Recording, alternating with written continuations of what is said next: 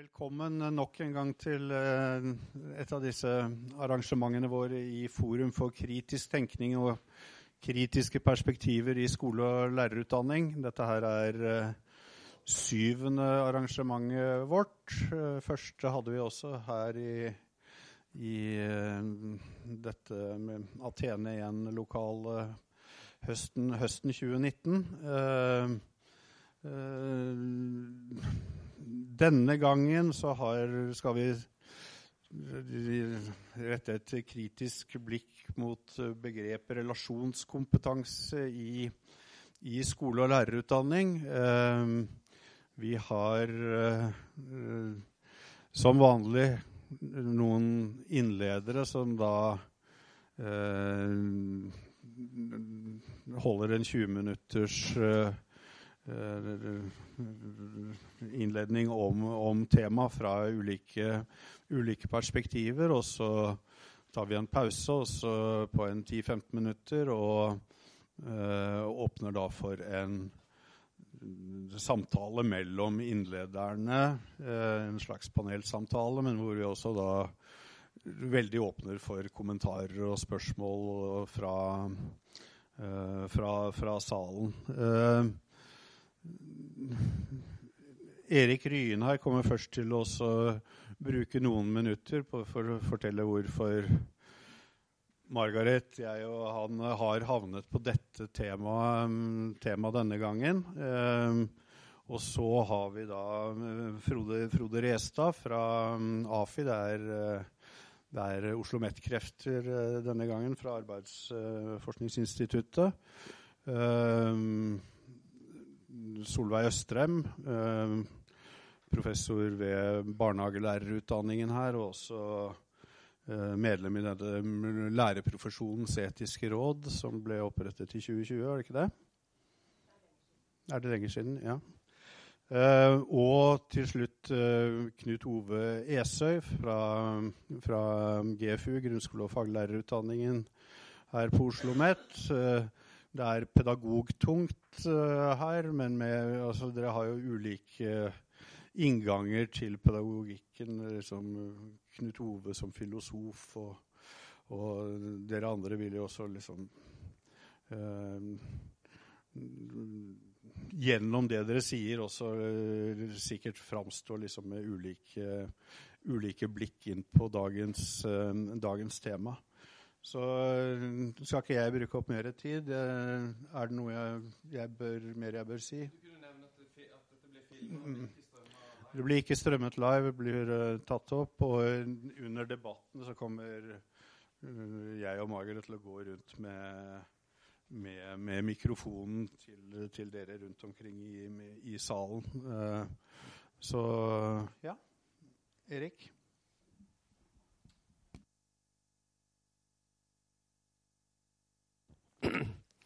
Tusen takk, eh, Kim.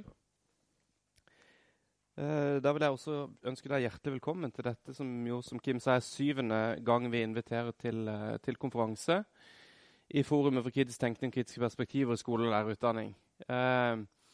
jeg vil si litt om hvorfor vi har valgt temaet, og så vil jeg også si litt om bakgrunnen for dette forumet. Uh, vi starta opp i 2019, og vårt, uh, altså formålet vårt er jo å løfte fram ulike perspektiver fra forskjellige, forskjellige deler av uh, skole- og utdanningsfeltet. og løfte litt sånn overordna spørsmål. Vi som jobber f.eks. i lærerutdanning, som, som vi, vi, som er initiativtakerne her, kommer fra lærerutdanninga, vi er jo ofte veldig sånn opptatt av dag-til-dag-arbeid med utdanning av framtidige lærere. Eh, men av og til er det jo viktig at vi løfter blikket litt og tar litt sånn overordna eh, diskusjoner på hvilke begreper er det vi egentlig bruker, og hvilke måter er det vi snakker om eh, det vi holder på med. Og Da er det veldig verdifullt for oss eh, å trekke inn på litt sånn forskjellige typer kunnskap, forskjellige typer eh, folk, rett og slett. Uh, og det er jo selvfølgelig fordi at lærerutdanninga er altså Vårt kunnskapsfelt er litt sånn, det er ikke veldig tydelig avgrensa. Vi er en profesjonsutdanning, men vi bygger på en rekke forskjellige basisfag. Altså Lærerutdanninga er full av, av, basisfag. Når studenter bare skal få innføring i de forskjellige fagene de skal undervise i, I tillegg til at vi bygger på, på pedagogikk og psykologi og en masse andre fag. Og det gjør, jo, det gjør, jo, at det blir litt sånn eklektisk, som gir oss mange muligheter. Men det, det gir oss også noen utfordringer. ikke sant? For, for det at uh, vi forholder oss til rammeplaner og læreplaner og veldig mange forskjellige eh, aktører som kommer med verdifulle eh, innspill og forslag til hvordan vi eh, kan jobbe. Og Da eh, må vi være, selvfølgelig være åpne, men vi må også ha en kontinuerlig kritisk eh, dialog. Kritisk eh, holdning til hvordan vi tar dette her inn i lærerutdanninga. Og Det er vel derfor vi har valgt å, å, løfte opp relasjonskompetanse denne gangen. Det er et begrep som har blitt veldig eh, populært, veldig mye omtalt de siste årene. Det snakkes mye om. Jeg har ikke fått gjort en sånn fullstendig uh, oversikt over feltet her, men dette er det, noe av det som er publisert på norsk og dansk de senere årene om, uh, om uh, relasjonskompetanse. og det som jo slår meg litt, er egentlig at her er det ingen lærerutdanner, rett og slett. Det er få av disse som har skrevet disse bøkene heller, som jobber på som altså, iallfall har sitt hovedvirke på universiteter eller høyskoler. Eh, de kommer stort sett utenfra. Eh, og det er, ikke, det er, ikke, bare bøker som er publisert her. Det er også eh, f.eks. i Danmark. Dette er Danmarks læringsportal, som er drevet av det danske undervisningsministeriet. Her har relasjonskompetanse fått en, eh, en, eh, egen eh, side her.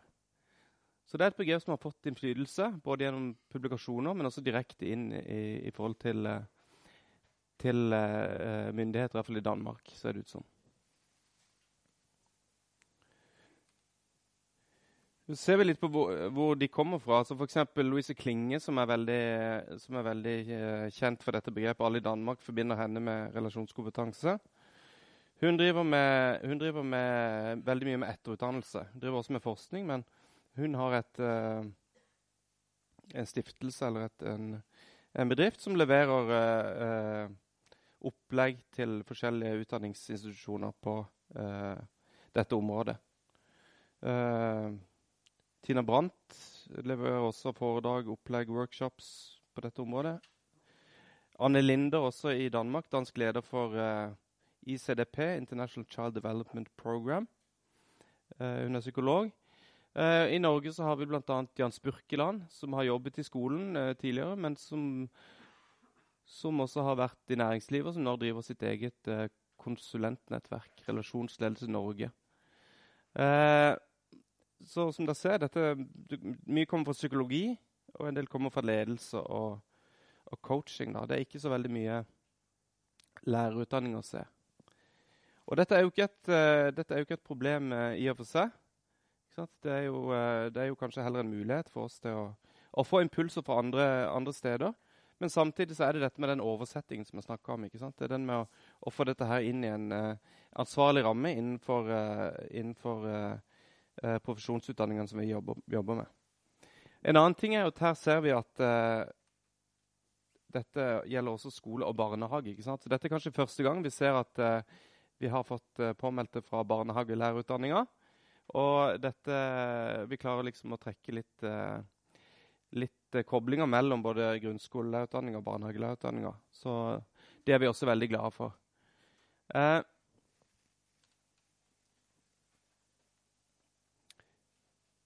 så er det også kommet stemmer da, som, har, som mener at dette bør, eh, altså relasjonskompetanse bør komme tydeligere inn i lærerutdanninga. Bl.a. Ingrid Lund, som skrev om dette i Bedre skole. De hadde et eh, en, et spesialnummer om relasjoner i 2017. Som uh, skrev at, at, vi trenger en lærerutdanning som tør å utfordre eh, lærerstudenten på holdninger og handlinger.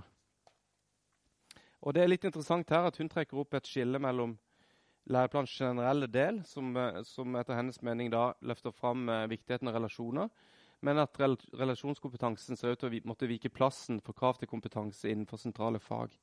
For ett år siden så hadde vi jo eh, var temaet vårt 'Forsvinner fagene med fagfornyelsen'. Eh, annet tidligere utdanningsminister eh, Torbjørn Røe Isaksen var her og diskuterte dette. Eh, så det er også interessant hvordan man kan tolke disse eh, policydokumentene litt ulikt. Mens, mens, noen ser at her, her er det fagene som, som kommer fram på, på bakgrunn av, eller på, til fordel for relasjonskompetansen. Så er det andre som det, vil se det annerledes, som tenker at her er det eh, her forsvinner fagene gjennom at, uh, at, det er andre ting som uh, løftes fram, at de forstås i, i lys av, av kompetansebaserte læreplaner. Eh, vi har også noen undersøkelser fra, fra, her fra Oslo OsloMet. Senter for profesjonsstudier har et forskningsprosjekt om bruk av forskning i, i skolen.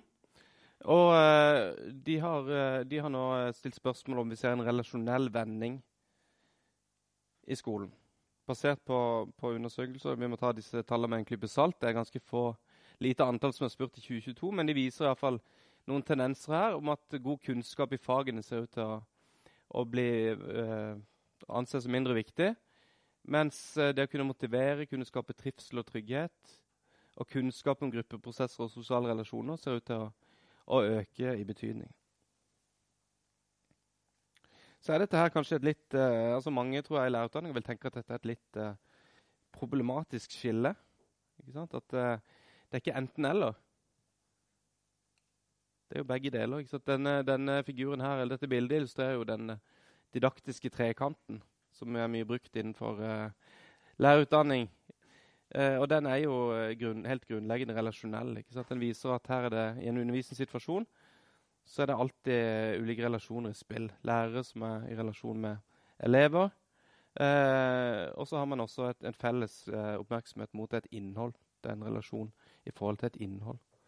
Så for oss så, som jobber på denne måten her, så er jo selvfølgelig Når vi underviser et fagstoff i lærerutdanninga, så er jo eh, relasjonen til det fagstoffet helt eh, sentralt. ikke sant? Og hvordan man, hvordan man, legger til rette for at studentene kan, kan, utvikle forståelse innenfor et fag, handler jo da om å kjenne studentene. ikke sant? Så Relasjoner er jo en integrert del av det vi jobber med. Så det er jo også et spørsmål om dette er eh, et fruktbart skille. Så det, det, er liksom det ene. Er dette her en uh, relasjonell vending vi ser, og hva er i, så fall implikasjonen av det? Det andre vi kan, vi kan stille spørsmålstegn ved i forhold til, til, dette begrepet, kanskje, det er dette med, eh, dette med kompetanse. Eh, dette er en rapport fra, fra 2008 eh, som ble gjort for Kunnskapsdepartementet, hvor eh, man kartlegger lærerkompetanse og elevers læring i førskole og skole. Og her kobles jo dette da til, eh, til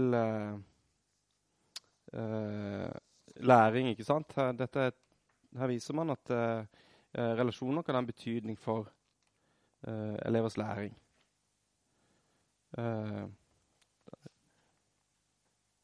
Altså Det handler om effektstudier, å kunne påvise, finne ut hva som påviser og bidrar til læring hos barn og unge.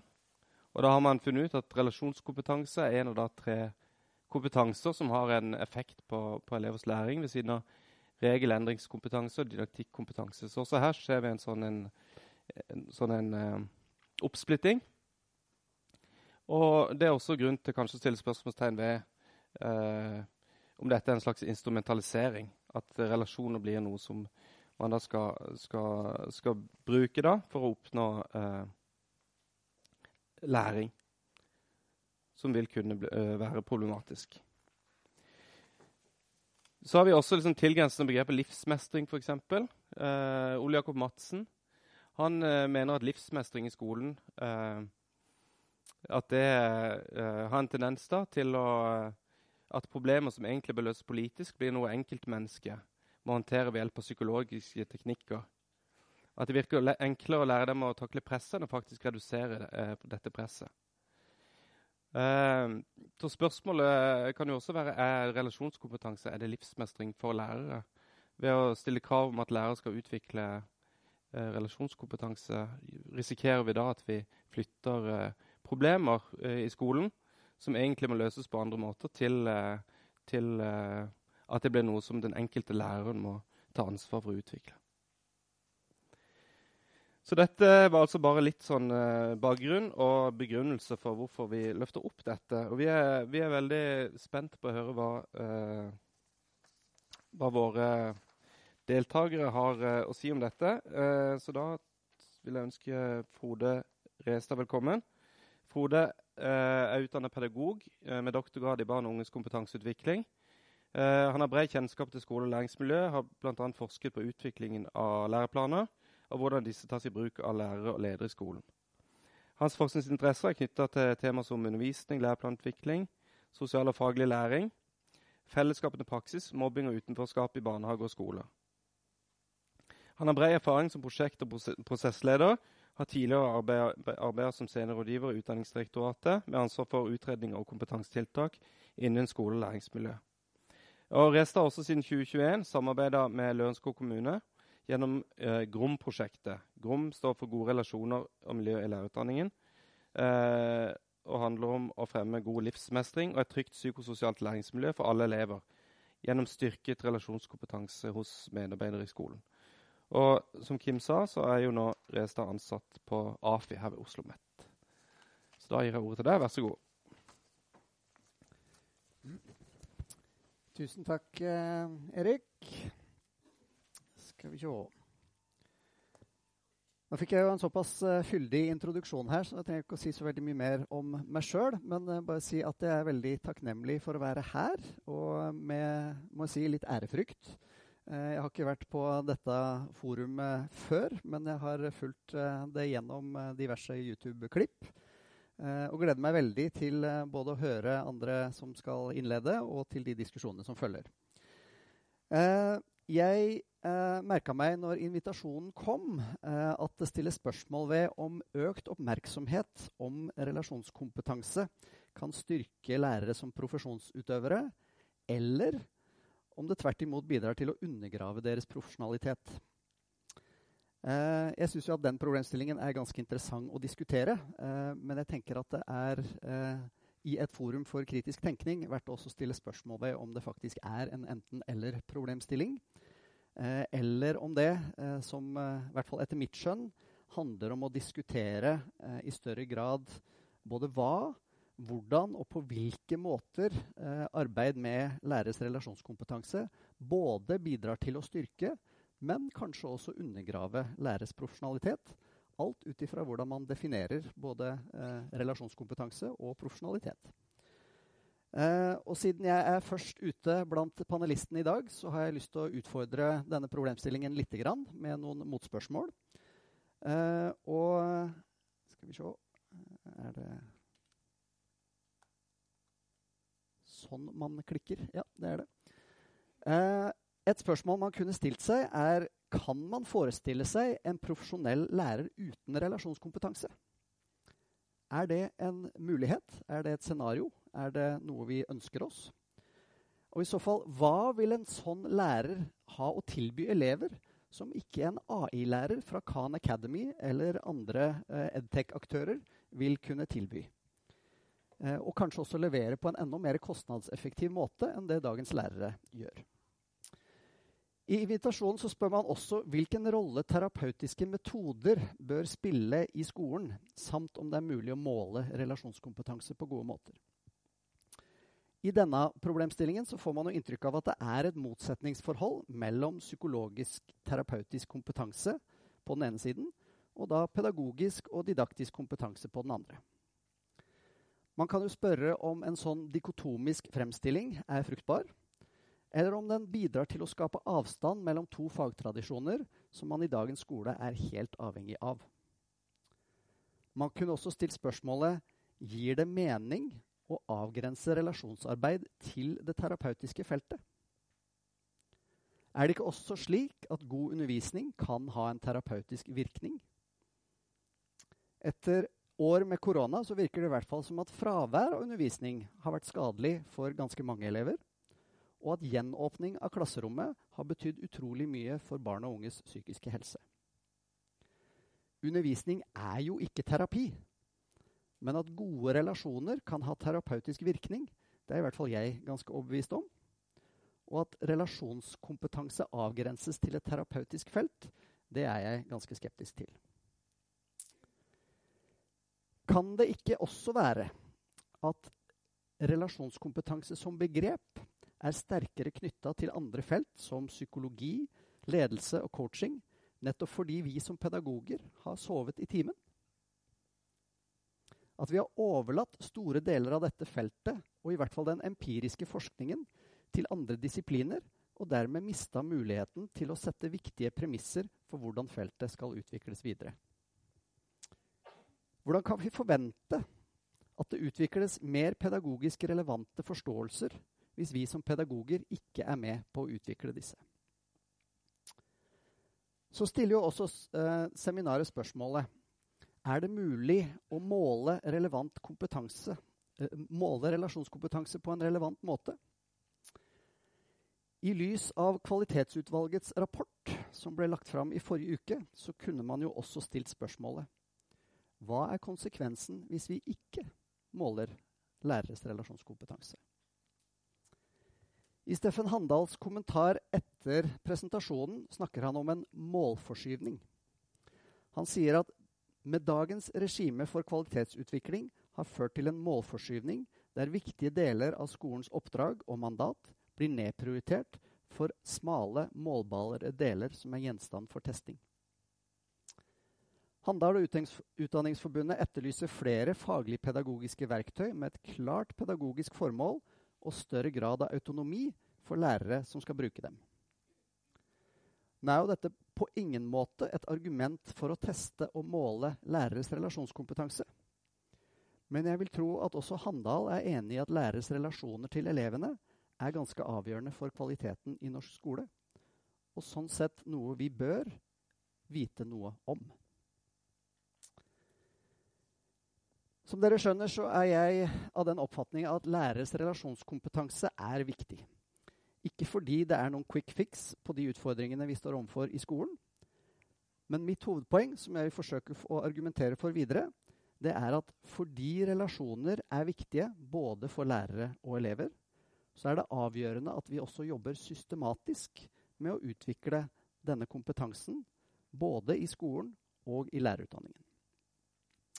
Jeg mener nettopp at fordi dette feltet er vanskelig og komplekst, og krever en mer kontekstuell forståelse, er det avgjørende at vi som arbeider i det pedagogiske feltet, også er med på å utvikle nye og bedre metoder for å støtte læreres relasjonsarbeid.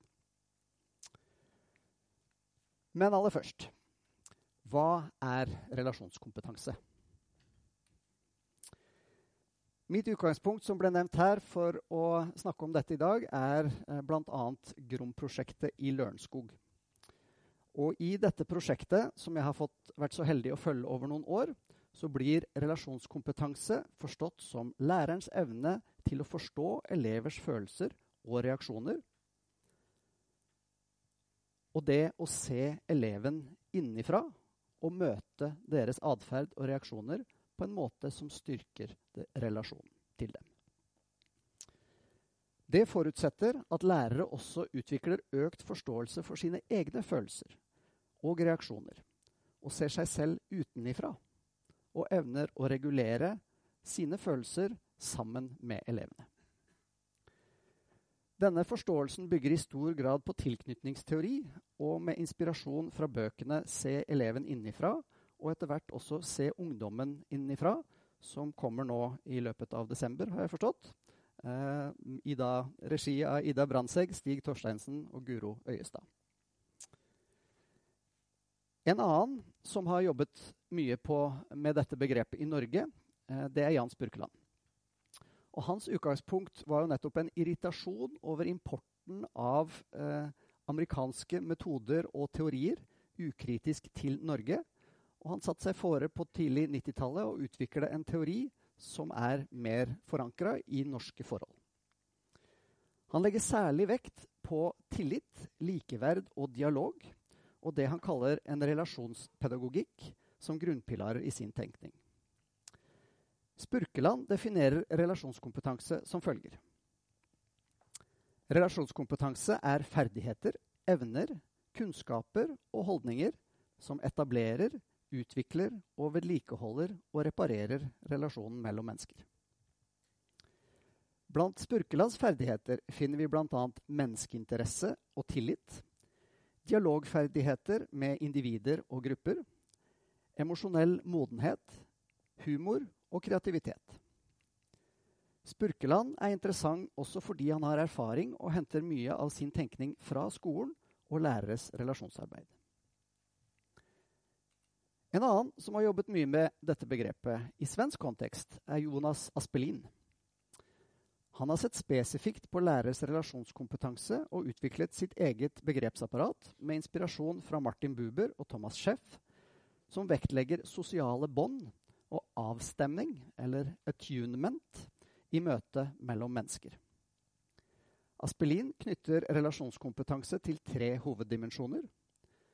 En kommunikasjonskompetanse, å se på lærerens evne til å kommunisere både verbalt og ikke-verbalt for å oppnå en kognitiv og emosjonell kobling til elever. En differensieringskompetanse, som handler om å eh, regulere graden av nærhet og distanse til elevene på en sånn måte at man greier å skille mellom eleven og seg selv i emosjonelle uttrykk.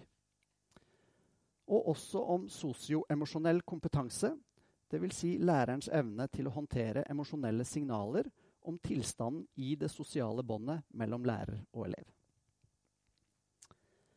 Aspelins forståelse ser lærerens relasjonskompetanse som en pågående prosess, hvor lærerens handlinger utvikler relasjonen til elevene. Denne kompetansen omfatter lærerens evne til å kommunisere en passende grad av avstemning og differensiering med elevene, og på en sånn måte at eleven og lærers følelser blir kanalisert til å støtte opp om opplæringens formål. Oppsummert så kan vi si at det fins mange ulike forståelser av hva relasjonskompetanse er, som ikke bare er importert pedagogisk tankegods fra USA og andre steder, men som også bygger på en kritisk forståelse og forankring i en norsk og en skandinavisk kontekst. Feltet er imidlertid nytt og umodent, og det er derfor behov for faglig utvikling og bidrag, særlig fra det pedagogiske feltet, for å utvikle dette videre.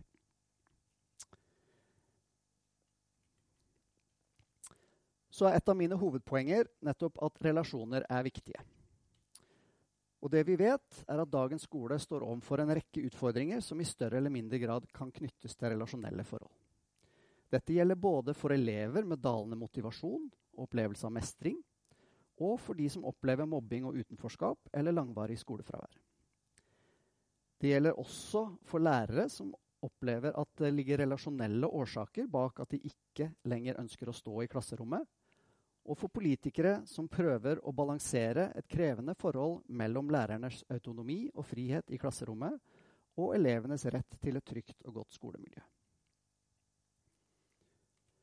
Forskningen viser også at relasjoner har stor betydning for en rekke utfall i skolen. Vi vet at det betyr mye for elevenes trivsel og læring. Vi vet at det har betydning for læreres opplevelse av trivsel og mestring i klasserommet og at dårlige relasjoner påvirker, eh, er en medvirkende årsak til at mange velger å slutte i læreryrket. I læreplanverket, som lærerne er forpliktet på, eh, er lærere forpliktet på eh, å lære elever om betydningen av mellommenneskelige relasjoner. Og å sette grenser og håndtere sine egne følelser. Lærere skal også gi elever ulike muligheter og legge til rette for et inkluderende læringsmiljø basert på varme relasjoner innenfor rammene av fellesskapet og læreres profesjonelle og etiske dømmekraft. Fordi relasjoner er så viktige i skolen, så er de også viktige i lærerutdanningen. Kanskje særlig i PEL-faget, men også i undervisningsfag og i praksis.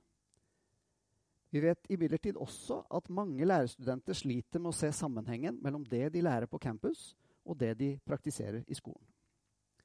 De mangler ofte hjelp til å kontekstualisere den kunnskapen, dvs. Si å omsette det de lærer i teori, til konkret pedagogisk handling i fagene de underviser i. Gjennom GROM-prosjektet har vi også fått bekreftet at relasjoner er viktige både for lærere og ledere i skolen. En lærer i GROM-prosjektet sier etter prosjektet at vi er mer forståelsesfulle og opptatt av å bygge god relasjon til de barna som trigger oss mest. Vi bruker f.eks. ikke energi på en som har behov for å vandre i klasserommet. Noen trenger noe ekstra. Nå tenker vi mer på hva som er best å gjøre i den situasjonen. En leder oppsummerer etter sine år i Grom-prosjektet som følger. For oss har det viktigste vært å få et felles språk og en felles forståelse av hva som ligger bak atferden til elever. Vi har fått mye påfyll av kunnskap om bl.a. ungdomshjernen, og vi har gjennom veiledning fått dypere innsikt i hvor viktig trygghet er for ungdommer. Dette har hjulpet oss med å forstå ungdommene vi jobber med, på en bedre måte, og på den måten legge bedre til rette for gode læringssituasjoner. Så har vi imidlertid også i Grom-prosjektet fått en veldig klar oppfatning av at arbeid med relasjoner er vanskelig. Og det er vanskelig på flere måter. For det første er det vanskelig å utvikle. Elever som trigger mest, er ofte de som det er vanskeligst å etablere gode relasjoner til. Lærere står også ofte i krevende situasjoner og håndterer mange elever og hensyn i en klasse samtidig. De mangler gjerne tid eller kompetanse til å løfte blikket, slik, de kan, slik de kan med eksterne fagpersoner. Relasjonsarbeid er krevende, og det finnes sjelden en oppskrift eller en mal som passer for alle. Når vi oppsummerer funnene fra Grom-prosjektet, finner vi også at det er vanskelig å dokumentere og måle effekter av relasjonelt arbeid. Lærere er ofte utålmodige og vil se at deres innsats påvirker livet i klasserommet med det samme. Skoleledere og skoleeiere vil gjerne dokumentere at deres innsatser virker. Relasjoner tar imidlertid tid å utvikle, og resultatene blir kanskje ikke åpenbart før mange år senere. Det er heller ingen nødvendig sammenheng mellom økt relasjonskompetanse og de parameterne som skolen for øvrig blir vurdert på, f.eks. gjennom Elevundersøkelsen eller nasjonale prøver. Ytre forhold spiller også inn, så selv om relasjonskvaliteten på en skole blir bedre, kan andre forhold påvirke læringsmiljøet i en negativ retning. De som har forsket på relasjonskompetanse, mener imidlertid at det både er mulig og nødvendig å lage objektive mål for læreres relasjonskompetanse. De knytter imidlertid ikke disse målene til utfall i skolen, men heller til lærerens utvikling av preferanser og ferdigheter i møte med elevene.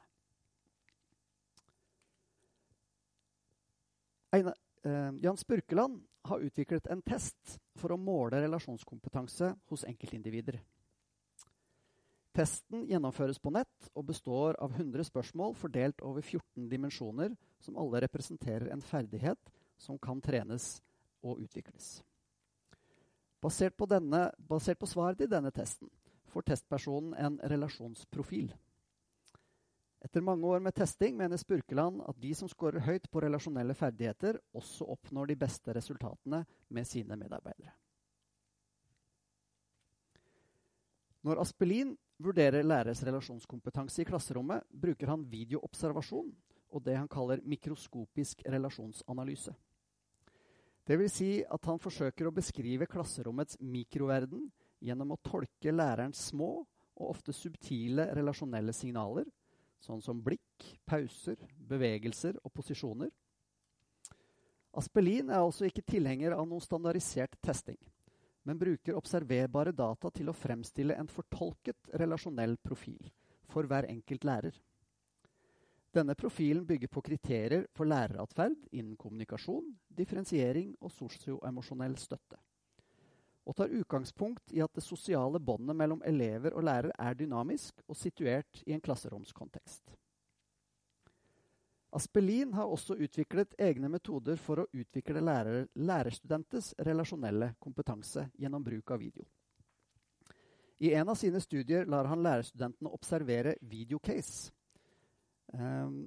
basert på observasjoner i klasserommet. Studentene analyserer først situasjonen med utgangspunkt i egne erfaringer og hva de mener hemmer eller fremmer lærerens relasjon til elevene. Så får studentene opplæring i de eksplisitte kriteriene som Aspelin bruker i sin modell, og får vurdere videoer på nytt med det som utgangspunkt. De bruker også den samme metoden til å gi hverandre tilbakemeldinger på ting de har observert fra klasserommene. Aspelins metode ligner til forveksling på en annen metode som blir brukt i psykologiutdanningen i Sverige.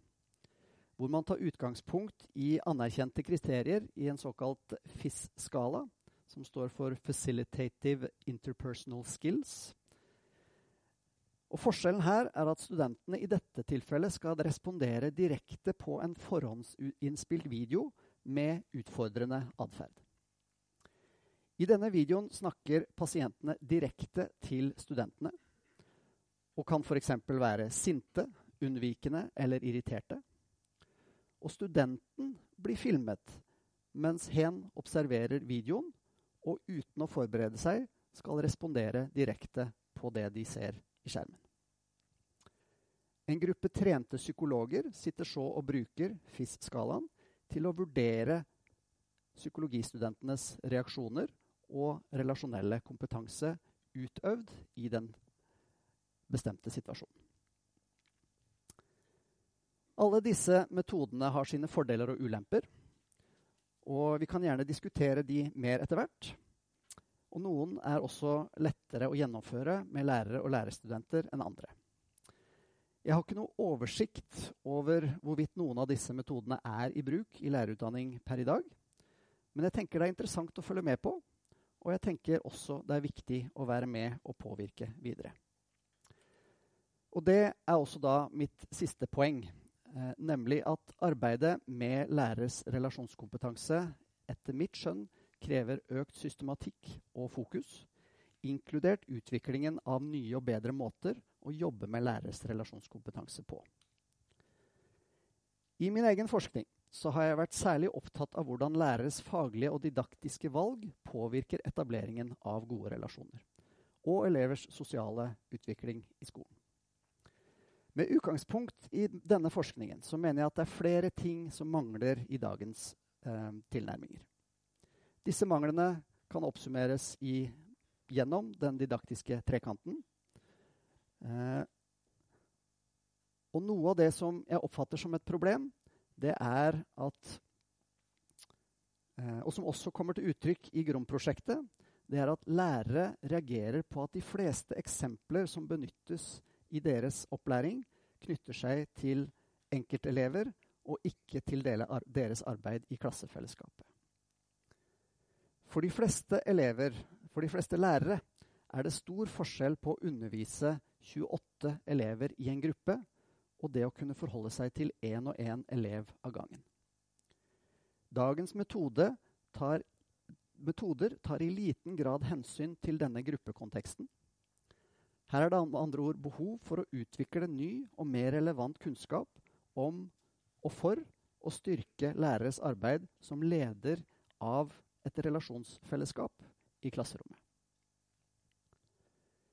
Dagens metoder tar etter mitt skjønn heller ikke tilstrekkelig hensyn til fagenes og didaktikkens betydning i etablering av relasjoner mellom lærere og elever. Undervisning i fag utgjør hovedaktiviteten i skolen, og menneske, menneskelige relasjoner kan ikke ses isolert fra lærere og elevers faglige relasjon. Også her er det behov for ny teori og metodeutvikling som kan studere læreres relasjonskompetanse som en integrert del av deres faglige og didaktiske kompetanser. Relasjoner er viktig i skolen. og Derfor mener jeg det er avgjørende at pedagoger melder seg på og bidrar til økt systematikk og bedre pedagogisk forankring av arbeidet med læreres relasjonskompetanse, både i skole og i lærerutdanning. Vi må unngå at dette feltet, med så stor betydning for elever og lærere, blir gjenstand for en skyttergravskrig eller enda verre, blir ignorert av de som har makt og myndighet til å påvirke hvordan våre lærere blir forberedt til møte med utfordringene som skolene står overfor. I GROM-prosjektet ser vi tendenser til at samarbeid mellom ulike profesjoner i skolen, både fra det psykologiske feltet, fra helsefeltet og fra utdanningsfeltet, kan gi nye innsikter og styrke lærernes relasjonskompetanse. Det er når denne delte kunnskapen finner veien ut i klasserommet, at vi virkelig kan gjøre en forskjell for elevene. Jeg velger å avslutte med et sitat fra en av lærerne i prosjektet, som jeg syns gir håp og retning i dette arbeidet. Han sier nemlig vi ser at kvaliteten blir mye bedre, og at elevene jobber mer i dybden nå. Det er nesten en karakterforskjell på samme oppgave fra i fjor til i år. De har jobbet regulert og fått bedre arbeidsvaner. Grom har påvirket dette. Psykologenes innspill blir med inn i didaktikken, slik at eleven jobber på en annen måte. Oversetningen er det vi som lærere som må gjøre. Takk for meg. Gleder meg til å høre diskusjoner. Altså, relasjonskompetanse, er det et helt uskyldig og uproblematisk og helt nødvendig eh, begrep? Eller det en, bringer det inn en måte å tenke på som kan være en avsporing med et tvilsomt opphav og uheldige bivirkninger? Um, jeg har lyst til å starte i skolens mandat. Eh, hvor det heter at opplæringa skal åpne dører mot verden av framtida og at elevene og lærlingene skal utvikle kunnskap, dugleik og holdninger for å kunne meistre livet sine og for å kunne delta i arbeid og fellesskap i samfunnet. Skolen skal møte elevene med tillit, respekt og krav. Det betyr jo at skolens arbeid handler om relasjoner. Og så er det sånn at når vi har et samfunnsmandat, Sånn det, et samfunnsmandat gir uttrykk for samfunnets ambisjoner for en virksomhet. Og i en velferdssamfunn så har vi en ordning for det, som handler om at vi har profesjoner som eh, har kunnskap tilegna gjennom høyere utdanning, og etisk, sine egne etiske plattformer, som er det som gjør det mulig å eh, fortolke og gi innhold og mening til et samfunnsmandat. For skolen så kan vi si at det ser sånn ut. Skolens har, er et politisk vedtatt mandat som er formulert i opplæringslova. Med skolens formål og med um, opplæringslova og, og, forskriftene til loven. Hvor da opplæringslova er den viktigste.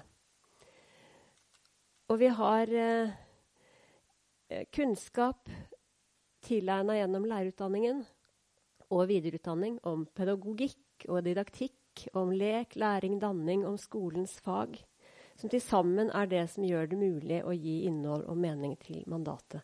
Og så har vi noen verdier, og vi har en etisk plattform, som jo er profesjonens egne standarder. Ikke bare verdier påført ovenfra, men som er verdiene som læreren har i ryggmargen. Det som har skjedd gjennom de siste 15-20 årene, det er en tendens i retning av at det som er politisk vedtatt, strekker seg langt, langt utover mandatet.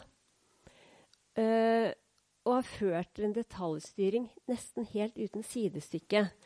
Og hvor kunnskapsbasert blir erstatta med et begrep om evidensbasert. Uh, en et, skolen er blitt et stort marked for standardiserte løsninger. Og profesjonens eh, kunnskap erstattes av eksperter utenfra, hvor økonomer, psykologer, og spesialpedagoger har veldig stor innflytelse. Og etikken kan man lure på om liksom, Er det lærerens profesjonsetiske plattform som gjør seg gjeldende, eller er det viktigere med en sånn type um, hva virker? Uten at man stiller spørsmål ja, men i forhold til hva? Og lærere forteller jo også om sterke Med denne enorme styringsviljen om en, et, sterkt, krav om lojalitet. Sånn at lojaliteten til eleven eller barnet eh, blir underordna lydigheten til oppdragsgiver. I verste fall kan det bety at profesjonen settes i en stor parentes. Det gjør den vi, ved at bl.a. ved at skolen blir et marked for et helt kobbel av standardiserte løsninger for bl.a. å styrke relasjonskompetansen. Eh, Thomas Englund, en svensk eh, professor, har kalt det en, pro en programinvasjon. Som eh, i en, en eh, bok som kom ut i Sverige for noen år siden, 'Sosiale relasjoner, verdegrunn og lærerprofesjonalitet', eh, hvor denne programinvasjonen blir beskrevet. Det de det som de viser, de studiene som blir presentert, er at med begreper som livskunnskap, tilsvarende norske eh, livs, eh, det, livsmestring, sammen med en tydeliggjøring av skoleeiers juridiske ansvar, ser ut til å sette dørene på vidt gap for standardiserte løsninger og manualbaserte programmer. Det den svenske, var den svenske programminasjonen som beskrives der. Den, min skissering er det som jeg ser som en tendens i norsk sammenheng. Så jeg vil si litt om bivirkninger av denne programinvasjonen, som kanskje er et svar på bestillingen om relasjonskompetanse, men som, jeg, som også strekker seg ut, utover det. Det er, sånn, det, er noen sammenhenger her eh, som jeg også vil berøre, men hvor det Dette ønsket om mer relasjonskompetanse Det er en risiko for at det fører med seg en type en etterspørsel etter standardiserte løsninger. Et sitat fra rapporten til Frode Restad. Vi har født et fundament for hobbypsykologen som vi lærere ofte er. Vi er ikke psykologer eller sykepleiere, men vi står i de situasjonene. Grom har gitt oss mye å jobbe med i våre egne drøftinger. Spørsmålet er om den hobbypsykologen er det som er lærerens jobb å være, eller om det er en annen måte å tenke om relasjoner som er det som kjennetegner læreren. Ole Jakob Madsen skriver og Ida Holt skriver en, et kapittel i boka eh, 'Problembarna', hvor de går inn i et program som heter Psykologisk førstehjelp, som brukes i veldig mange skoler og barnehager. Hvor de si, sier noe om hva som skjer når prinsippet fra terapeutisk praksis blir et allment forebyggingstiltak, og hvor terapeutiske teknikker flyttes ut av terapirommet og inn i barns hverdagsliv. Og de er ganske tydelige på at det er ikke bare helt uproblematisk når, den, når det skjer. Jeg har lyst til å referere til Sitere lærerprofesjonens etiske plattform helt kort. Eh, hvor ett punkt handler om at lærere eh, og barnehagelærere arbeider for å være faglig og pedagogisk oppdatert. Men hvor man også respekterer andres kompetanse og erkjenner grensene for egen faglighet. Og da er jo spørsmålet er den type psykologisk kompetanse som noen kan etterspørre, er det på, på, på, utafor grensene for hva som er lærerens kompetanse? Jeg syns også det er verdt å spørre, etter å ha lest rapporten til Frode Restad, Hvilken relevans har et amerikansk foreldreveiledningsprogram basert på tradisjonell tilknytningsteori for lærerens arbeid med relasjoner? Og jeg tenker jo at selvfølgelig skal lærere ha noe kunnskap om tilknytningsteori. Problemet når en, en, teoret, en teoretisk forståelse blir til et pro program det er at de kritiske perspektivene på den teorien, som det er grunn, grunn til å ha med seg, den veldig individ, individ, individfokuseringen, eh, teori som er utvikla utenfor skolen og barnehagen som kontekst, hvilken relevans har det i skolens og barnehage, barnehagens arbeid? Et sitat til. En programteoretisk tilnærming bidrar til å tydeliggjøre hvilke elementer som inngår i GROM-prosjektet, og kan skape en felles forståelse og diskusjon av hvordan prosjektet er tenkt å virke. Det ser helt, et helt greit sitat. Men jeg har samtidig lyst til å kommentere dette med felles forståelse. For det er liksom gjennomgangstema i nesten alle den type programmer. Det handler om felles forståelse, felles språk, dra i samme retning. Og det er kanskje litt kranglete, men dette er jo kritiske perspektiver. Men ikke sant? i en profesjon hvor man er fagpersoner, så tenker man gjerne at uenighetsfellesskap, faglig autonomi, er et gode. Og kritikk blir forstått som helt nødvendig. Det som er tonen i beskrivelsen av den type programmer, det er noe helt annet. Det er felles forståelse, felles språk og kritikk forstått som problem. Og det er ikke noe jeg tar helt ut av løse lufta. I en bok som blir brukt både i eh, lærerutdanning og barnehagelærerutdanning og videreutdanninger for både bar barnehagelærere og eh, skolelærere, som heter en 'Ledelse av endringsarbeid i barnehagen' av Sigrun Ertesvåg og Pål Roland. Det er en bok som beskriver endringsarbeid, men ikke hvilken som helst type endringsarbeid. Det som er Gjennomgående for alle eksempler er at endringer handler om implementering av programmer. Alle, prog alle eksemplene er fra programmer som de selv har vært med å utvikle ved Læringsmiljøsenteret. Der har man en ganske spesiell tilnærming til kritikk og uenighet.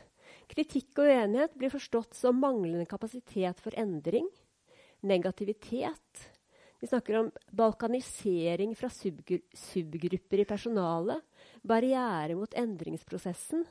Man snakker om å virke negativt på utvikling, utvikling av felles forståelse.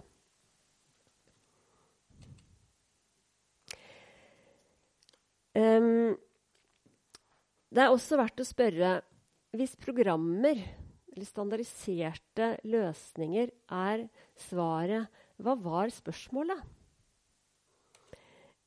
Jeg kan ikke se at det å realisere skolens formål er det gjennomgående spørsmålet. Det som er tydeligst spørsmål, det er hva virker? Og når det er spørsmålet sant, Dette her er en overskrift fra et innlegg av Willy Tore Mørk, som, er, eh, som jeg har vært i diskusjon med i, i flere anledninger og som for noen uker siden hadde et innlegg hvor det heter 'Programmer i skolen virker hvis man bruker, den, bruker dem'. Det som er gjennomgående for den type Når man går inn i, i, den logikken, og spørsmålet blir hva som virker, så skjer det noe som gjør at det er verdt å lese Skjervheim om igjen. Og det Skjervheim kaller det instrumentalistiske mistaket. Jeg skal ikke gå gjennom hele Skjervheims artikkel, men hans beskrivelse av hvordan pedagogikk blir teknikk, det skjer gjennom at denne teoretiske formelen 'hvis A, så B' blir til et teknisk imperativ. Hvis du ønsker B, så A. Hvor man liksom kan se kausalsammenhengen mellom tiltak og effekten av tiltaket på en målbar måte. Den måten å tenke på, den finner man i det som kalles evidensbaserte programmer. Hvor man tar et forskningsdesign fra legemiddelforskningen og overfører til pedagogisk forskning. Hvor man har, legger inn likhet eller repliserbarhet som premiss. Det som virker i én sammenheng, det virker i andre sammenheng. Hvis du, kan, hvis du er relasjonskompetent i én sammenheng, så er du det i annen sammenheng også. Eh, problemet er at um, er det som jeg ser som en tro på Eller det som kjennetegner pedagogisk arbeid, ser man for seg som noe som kan elimineres bort. Det usikre, det uforutsigbare, det kontekstuelle og det relasjonelle, som jo er utgangspunktet for det vi snakker om i dag. Ofte ser vi også at når spørsmålet blir 'hva virker', så er det en behavioristisk orientert tenkning som blir det faglige fundamentet. som Lars Løvel beskriver, oppsettet er enkelt. Det står mellom en ekstrem amerikansk behavrisme og en tysk-skandinavisk dannelsestradisjon. Hvor man beveger seg fra det kantianske ideen om menneskets verdighet, mennesket som mål i seg selv, til liksom, se til omgivelsene. Systematisk forsterkning av atferd som løsningen. Eh, Løvli sier det sånn Skinners behavrisme er reduksjonistisk. Læring realiseres ved forsterking av atferd. Av det følger en forkortet idé om pedagogikk og oppdragelse. Om hvordan vi bør omgås barn og unge. I praksis har det gjort barnet til objekt, læreren til undersått og eksperten til autoritet i skolen. Og bare For å illustrere hvordan den måten å tenke på kommer til uttrykk, i mange av de programmene som lanseres i arbeidet med sosial kompetanse i skolen, så er målet å regulere barns atferd gjennom ytre stimuli. Og hvor voksnes handlinger overfor barn og jeg sier voksnes handlinger, ikke lærerens handlinger. Det er også litt sånn gjennomgående at man snakker ikke om læreren eller profesjonelle. Man snakker om voksne. Så et program som er utvikla for foreldre kan like gjerne brukes i en hvilken som helst sammenheng hvor voksne har med barn å gjøre, enten det er profesjonelle eller ikke. Hvor voksnes handlinger overføres til barn overfor barn måles ut fra sin instrumentelle verdi, altså hva det fører til. Og Det betyr at alt av positiv valør som voksne bringer inn i barns liv, enten det er ros, anerkjennelse, oppmuntring, empati, er virkemidler som brukes i en bestemt hensikt.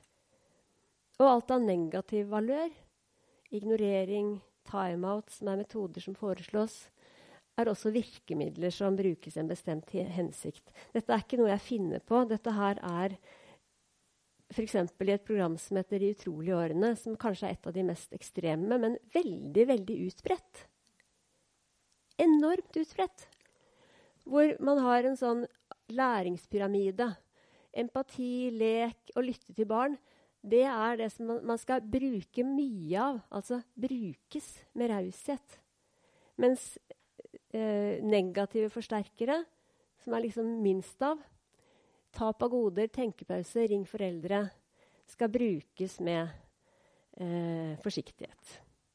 Men logikken er den samme i hele denne, i den måten å tenke relasjon på. Jeg vil bruke de siste minuttene, hvis jeg har noen igjen, ja, jeg, hvis ikke så tar jeg de, til å si noe om til å vende tilbake til dette mandatet, som handler om å møte elever med tillit og respekt, og hvor relasjonen selvfølgelig er eh, i sentrum. Eh, jeg har lyst til å sitere Skjærveim igjen, som sier at et gjensidig møte er ikke bare en relasjon mellom deg og meg, men en treledda relasjon mellom den andre, meg og sakstilhøvet, som er slik at vi deler sakstilhøvet med hverandre. Hvis vi ser på de to barna der, så er liksom det første som slår en, at de har det veldig fint sammen. Hvis vi ser godt etter, så ser vi også at de er ikke opptatt av hverandre. De er opptatt av hva som skjer når man har en bolle med såpevann og et par sugerør.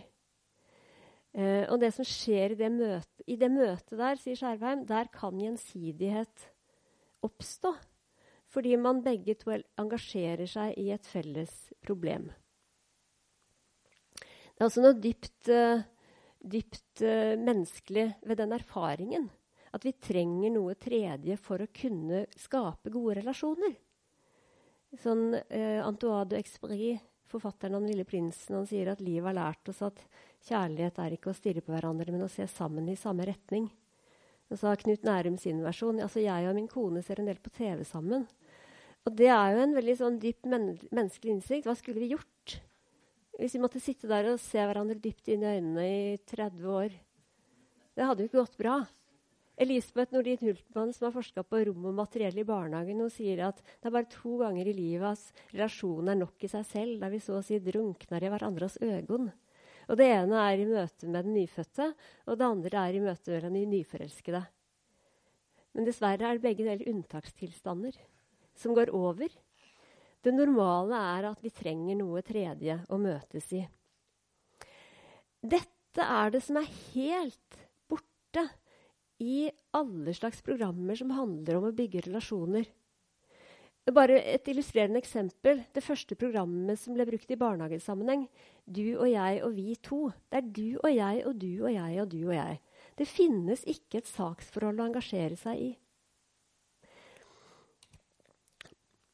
I motsetning til hva som kjennetegner barnehagen og skolen, som en barnehagelærer som har skrevet en liten bok om prosjektarbeid i barnehagen, sier det er jo slik at barnehagen skal formidle verdier. Det betyr at det vi skal være sammen om, ikke kan være hva som helst. Og dette ikke hva som helst. Det finnes jo i skolen og barnehagens mandat.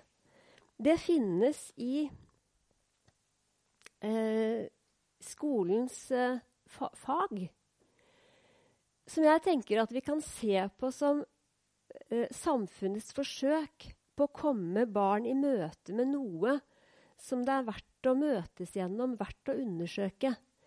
Det handler om å sant, Fagene det er liksom ikke der borte, langt fra verden og ver livet. Vi må jo forstå de som et forsøk på å bistå barn og unge i deres strev med å finne mening å forstå den verden de allerede tilhører. Det er ikke sånn at her er relasjonene, og så er fagene der ute. De er en del av den verden vi tilhører.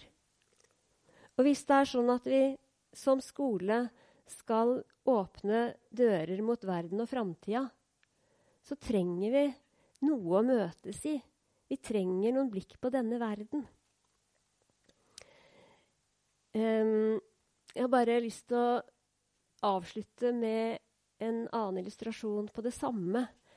Sånn da jeg var eh, ti år, ni år, og på ferie i Nord-Norge og lærte å sløye fisk av onkel Richard, så var jo det å få være sammen med han om noe han ku kunne noe om, noe han var engasjert i, det var jo det som gjorde at jeg følte meg sett.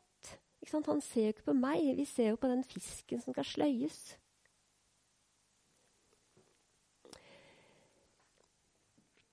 Jeg tror jeg hadde noe mer jeg hadde tenkt å si, men jeg tror jeg stopper der, jeg.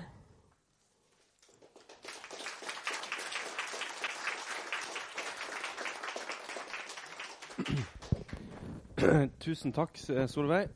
Hei, ja. Det er sånn spennende egentlig, å være tredjemann. For det er mye av det jeg skal si, er sagt. Eller kanskje sagt, og kanskje jeg ja, utdyper noe. Det er òg interessant å se hvordan vi har, jeg tror for jeg og Solveig har veldig mange av de samme assosiasjonene til begrepet. så det, det, kommer til å gå noen teoretikere igjen, igjen og sånn. Så vi får se. Men jeg, jeg tenkte jeg skulle begynne med en fortelling. For, for, for, noen år siden så ble jeg eh, spurt av en skole om å komme og hjelpe en elev som ville slutte på skolen. Og han eh, ja, En av elevene som Ingrid Lund er egentlig opptatt av. Altså, som, som ikke syns ting er så veldig enkelt i alle sammenhenger. Men han var veldig flink i fag. Og når jeg kom og møtte han, da, så spurte hun selvfølgelig sånn, sånn som en tror en skal gjøre når en har litt sånn erfaring. Sånn, 'Hvordan har du det?' og sånne ting. Men det var omtrent ikke mulig å få noe ut av han. Men så spurte jeg, for jeg hørte at du var interessert i matematikk. Ja. Og så, Av en eller annen grunn så kom vi inn på kvadratrottallene.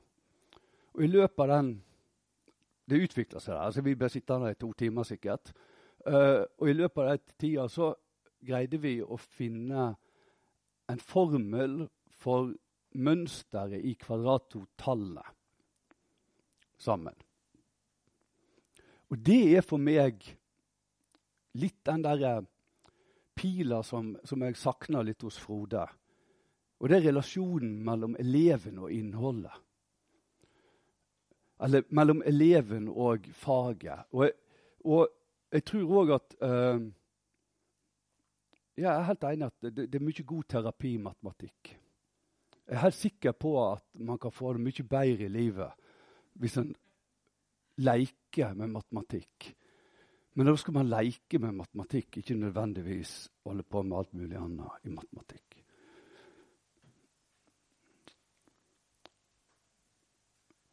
Så mitt poeng det er at vi har så mange andre relasjoner i verden enn bare relasjonen til mennesket. Og Denne eleven her hadde altså en fagrelasjon. Og det var en jeg-du-relasjon. Det var ikke en jeg-det-relasjon mellom eleven og faget. Han var glødende engasjert i det han holdt på med. Så det å snakke matematikk og bli kjent gjennom faget Vi ble kjent gjennom faget. Og så Etter noen år så sa han dette med at, at det, var mine, det var samtaler med meg som gjorde at han holdt ut.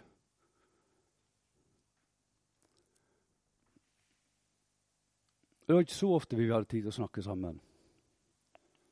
Og Han var lei av den riktige undervisninga. Og han var berørt av matematikk. Emosjonelt berørt. Sånn at alle, alle, alle, starter i det estetiske. Hvis vi skal, altså, hva skal vi greie å gripe ved det vi snakker om, hvis vi ikke blir berørt av det på et eller annet vis? I motsetning så var det faktisk sant, en lærer det her som, som var opptatt av relasjoner. Hun jobba med relasjonene. Hun hadde et godt forhold til eleven. Eleven hadde et godt forhold til henne. Han følte seg sikkert forstått også. Ja da, jeg skjønner at du ikke syns det er så enkelt her på skolen.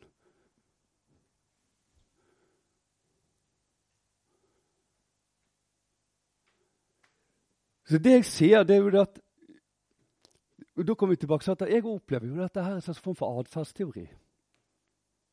Hvis man leser Skinner i 56, er det 54 Det her med å forme alle elevene til forhåndsbestemte mål. Sånn at man jobber i, i klasserommet etter det. Hun brukte veldig mye læremaskiner. Sånn at hun satte elevene i grupper. De jobba med ting. Han satt veldig mye aleine. Jobba med ting.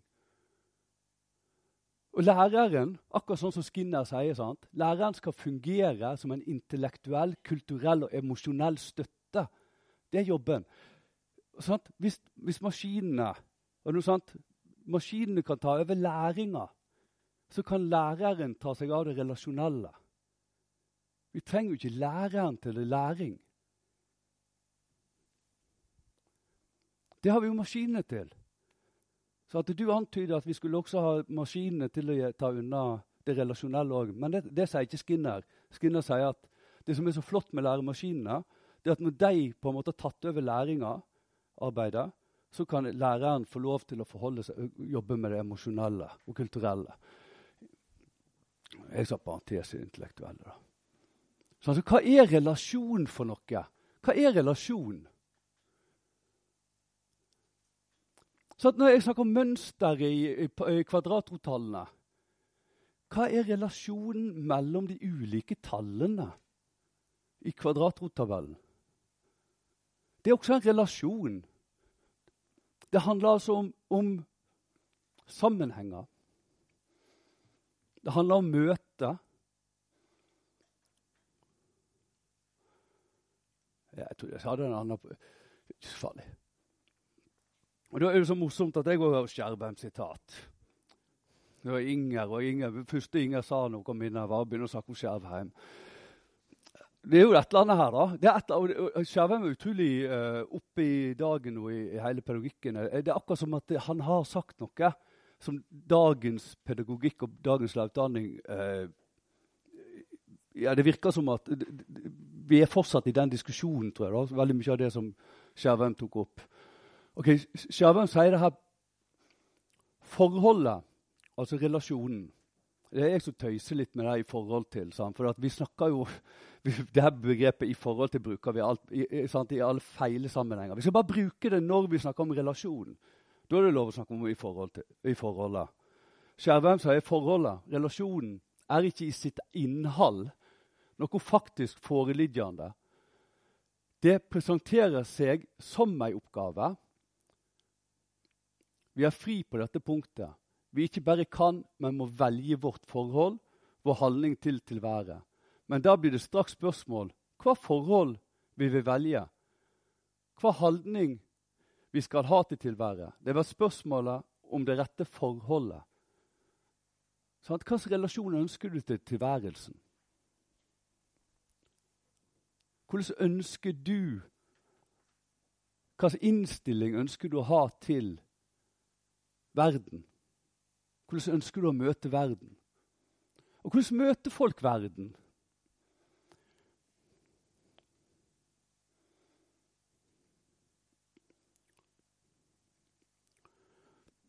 Så, så hvis meg Vi har relasjon til du, vi har relasjon til kunnskap, vi har relasjon til verden. Det, sånn, det kunne vært så mye mer også. Sant? Det, det, men spesielt det med relasjon til kunnskap også, tror jeg er liksom viktig at vi tar med oss. Eh, så kom vi til det som, Av en eller annen rar grunn, og hver gang vi snakker om relasjon og relasjonskompetanse, så høres det ut som at det, det må være knytta til mennesker og, og, jeg-du-forhold. Så relasjon mellom mennesker.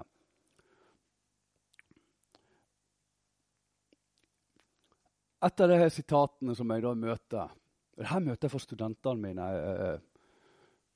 Eh, eh, I dag er det særlig John Hatties metaanalyser som peker på at det viktigste for elevens læring er relasjonen til læreren. Hva, hva, hva sier den her? Bare for å si det også, at det, det, her er jo, Jeg har referansen Kunnskapsdepartementet 2016 om lærerrollen, heter det.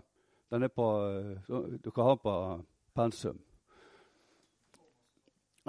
uh, uh, uh, jeg har også sett mange bruke forfatterne av rapporten som referanse. Så jeg er faktisk så usikker på om at dette egentlig bare er en politisk rapport, eller om at dette er et vitenskapelig arbeid. Så det, det, kan jeg faktisk ikke uttale meg om. Men, men det er jo, det er jo litt sånn rart at for så ikke det er referert til hvilke kilder av John Hattie det her er snakk om. For eksempel. så, så det er jo sånn, det, det er helt at, Men så må vi jo stille spørsmålet kan det her være sant. Det viktigste for elevens læring er relasjon til læreren. Er det mulig? Kan det være mulig? Hvis du skulle velge, vil du ha en lærer som ikke kan pokker av, av kunnskap, men som er dritgod på relasjon? Eller vil du ha en lærer som er god på kunnskapet, eh, på faget sitt, kjempeflink med det han holder på med, men som, som ikke har noe altså Kan ikke navnene engang? Slik som vi ikke, sånn, Hva velger vi?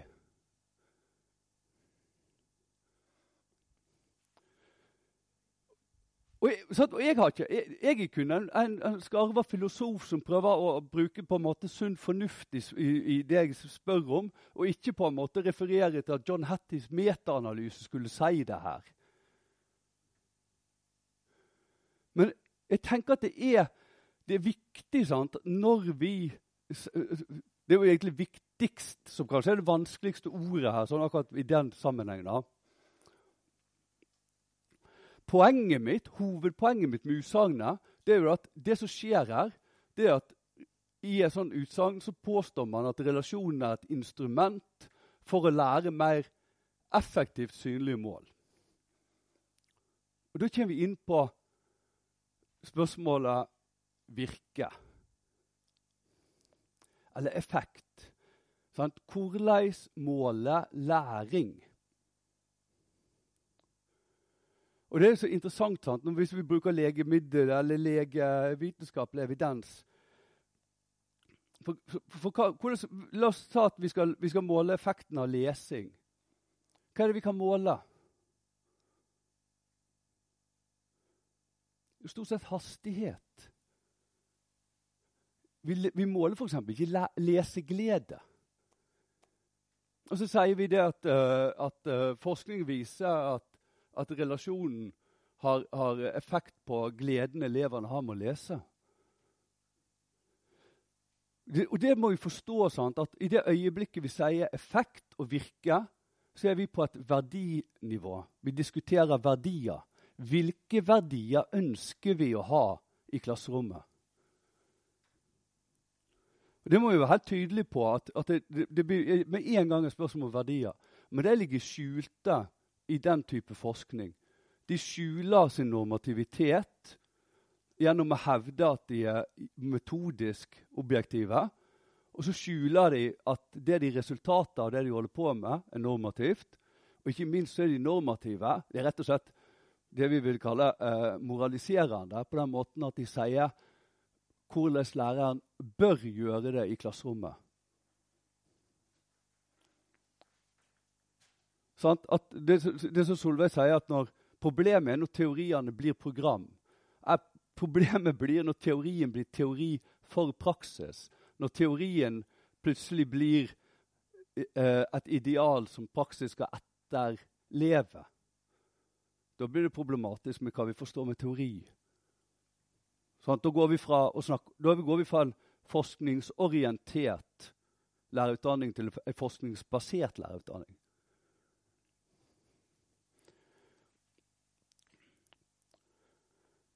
Så Hovedpoenget mitt da er faktisk det at det som blir problematisk med det utsagnet, her, det er jo hva læring blir. Hva forstår vi med læring i en sånn sammenheng når vi sier det der? Hva er læring? Hvor er aha-opplevelsen? Hvor er gløden? Hvor er emosjonene i læringa? Når det eneste du skal jobbe med, er at du skal få en god relasjon til elevene, slik at de kan få en jevn og trygg prosess, harmonisk læring. Hvor er smerten i læringa? Han hadde drithøy smerteterskel, han gutten, når det kom til læring. Det er fantastisk. Så altså, når, hvis vi tenker på relasjon som en oppgave Sånn, sånn som Skjerveien påstår, at vi, sånn at vi, har så lett for å tenke på relasjon som en oppgave. Som noe vi skal mestre. Hva skjer da når vi tenker at relasjon er noe som skal mestres? Jo, da blir det med en gang noe vi skal beherske. Vi skal kontrollere det. Jeg skal beherske matematikk. Jeg skal beherske en eller annen ferdighet som jeg skal kunne. Jeg skal begynne å beherske elevene i klasserommet. Ja, Det hopper vi over. Det er ikke så viktig. Det står ferdighet, egentlig. Sånn, men det, det her òg hører jeg. At, at, relasjon er noe læreren skal skape. Trenger vi det? Trenger vi å skape relasjon? Er ikke relasjon noe som er der? Men det er jo klart at hvis vi er uheldige, og det har jeg vært mange ganger, så har jeg vært uheldig i klasserommet, og så tror jeg feil Og vet du hva som er så fint med unger? De er utrolig flinke på å tilgi.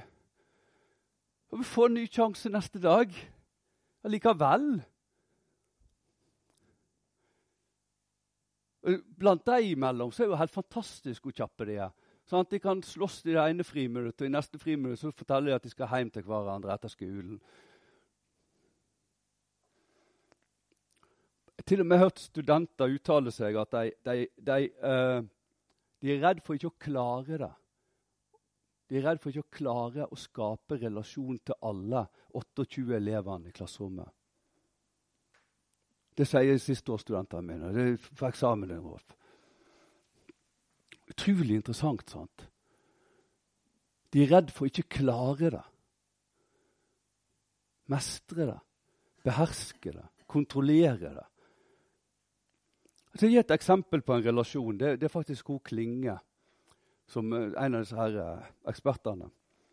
I både intervju og observasjon unnlot Siv, læreren, da, flere ganger at forsøke å forstå elevenes indre tilstand men konkluderte skråsikkert, eller handlet det som om hennes oppfattelse herav var sann. Hvor jeg hevdet at hun befant seg i psykisk ekvivalensmodus.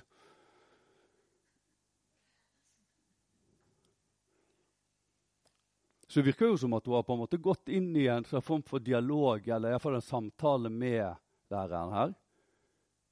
Men for å si det med Skjervheim sine ord, så har hun gått inn i saken. Istedenfor har hun rett og slett psykologisert læreren. Så den relasjonen jeg er opptatt av her, er jo selvfølgelig ikke lærerens relasjon til eleven, men hva det her sier om forskerens relasjon til forskningsobjektet. Og her er jo klart at Dette er en jeg-det-relasjon. Klinge sitter på den teoretiske idealet. Klinge sitter på den riktige oppfatninga. Og hvis ikke uh, læreren viser tilstrekkelig, så har hun da i det tilfellet da ja, ekvivalens Hun var rett og slett i, i balanse. Jeg syns ikke det er så ille å være i balanse, men det er jo ikke så veldig ofte jeg er det. Men det er en annen sak. Så det er jo klart, det her er jo en psykologisering av et dataobjekt som forskeren skal beherske. Det er relasjonen som viser seg i det ja, Nå er jeg selvfølgelig stygg, litt sånn, jeg setter det på spissen, da. Men det er for å poengtere noe. da.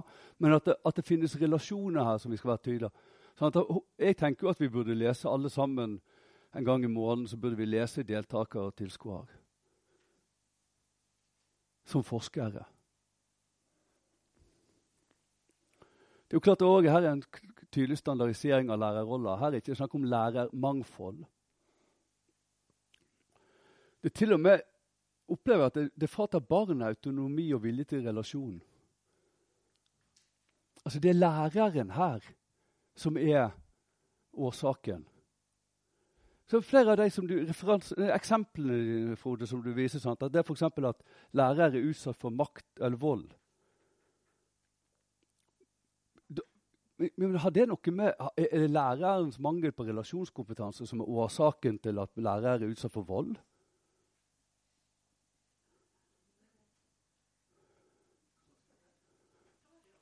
Vet du hva? Jeg har møtt, jeg har møtt, jeg har møtt så mange lærere som har fått seg en på trynet helt ut av det blå. Jeg har møtt lærere som ikke blir tatt på alvor når de har fått seg en på trynet. Fordi rektor mener at det er deres mangel på relasjonskompetanse som er årsaken. Jeg har, jeg har møtt programfolk som snakker om at uh, hvis ikke programmet vårt virker, så er det lærerne som ikke klarer å gjennomføre det på riktig måte. Det er litt av en holdning til, til, til mennesket. Altså Fratar du mennesket autonomi, så fratar du ikke bare mulighet, altså Prøver du å frata mennesket mulighet ved å gjøre feil, så fratar du dem også muligheten av å gjøre rett.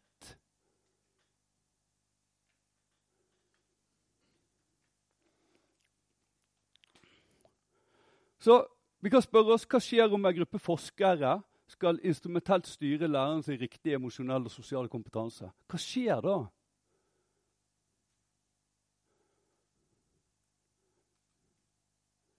Og så må vi stille spørsmål om utbrente lærere. Hvor, mange, hvor mye skal vi bruke krefter på å forstå og sette oss inn i hver eneste elev vi har i klasserommet, og samtidig klare å stå i jobben? Og jeg veit hvor lei meg jeg blir når jeg etter tre år må gi slipp på elevene, og det kommer nye elever. Det er en emosjonelt påkjennende jobb å være lærer. Og det skal man heller ikke kimse av. Så min påstand er faktisk at du, kan slite ut lærere, og ganske mange lærere blir utslitt av å være i for tette relasjoner til elevene. Så spørsmålet er jo sånn, Kan mennesket være i relasjon med noen i verden på en annen måte enn å ville kontrollere, mestre eller beherske det? Finnes det et alternativ?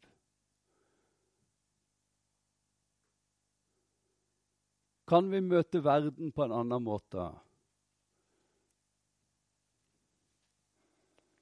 Kan vi møte relasjonen som et eksistensielt valg, f.eks.? En innstilling til virkeligheten, til røyndommen? Eksempel på tenkere som har kommet med forslag. Charles Taylor, Hans Skjervheim, Odin Fauskevåg, Hartmut Råsa anbefales på det sterkeste. Eller så anbefaler jeg å lese Jon Foss òg, for da får man en veldig god relasjon til røyndommen. Charles Taylor, nei, Hartmut Råsa baserer seg på Charles Taylor. eh, skriver om å møte røyndommen som resonans som motsetning av kontroll. Sånn, så der, når jeg snakker om eleven i stad, ja, så tenker jeg at det handler om å møte matematikken med resonans.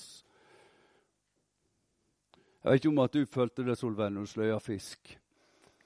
Sånn til å begynne med. Det, for det, ja, det er litt viss ubehag ofte med å sløye fisk når man ikke har gjort det før. Noe sitat.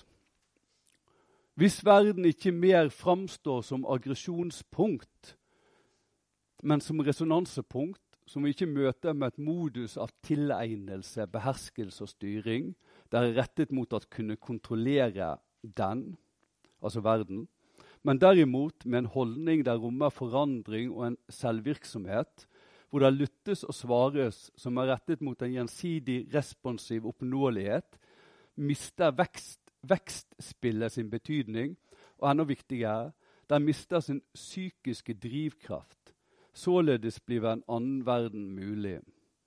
Det er jo veldig romantisk fra Hartmut Råsas side. Hva mener han med aggresjonspunkt? Bare for å si det sånn at Én uh, ting er å ha relasjon til andre, men en vi må ha relasjon med, som er kanskje noe vi ikke ønsker, det er jo oss sjøl. Som mange syns er vanskelig. Aggresjonspunkt er jo f.eks. at vi ser oss sjøl i speilet, og så ser vi at nei, det burde vi ha fiksa på, det burde vi ha fiksa på, og så prøver vi å kontrollere og, og, få ting til å fungere. Og så ender det opp med at vi blir aggressive mot oss sjøl. Og på samme måte så blir vi, I det vi forsøker å kontrollere, beherske, om det er forskeren som vil beherske læreren, eller om det er eleven som vil beherske ordene eller bokstavene og ikke får det til, så blir vi aggressive fordi vi føler det uten av vår kontroll. Uh, og Poenget er jo da at vi må prøve å heller møte verden med resonans. Jeg tenkte egentlig at jeg skulle gjerne ha hatt med boka som heter 'Nysgjerrighet på naturfag'. For der er det egentlig et veldig fint eksempel på nettopp det. Odin Fauskevåg sier det. Oppseding handler ikke primært om velfungerende barn, men om liv i mening. Det handler heller ikke om å bli et velfungerende lærer, nødvendigvis, men et liv i mening også som lærer. Så jeg bare si det sånn at Etikk eller res, eh, eh, relasjon ikke, skal ikke være et middel for å oppnå noe, men det skal være et mål i seg sjøl. Og fagene skal på en måte være, læring skal være en del av det. Så jeg har sagt litt mer om det, men vi tar det sikkert seinere òg.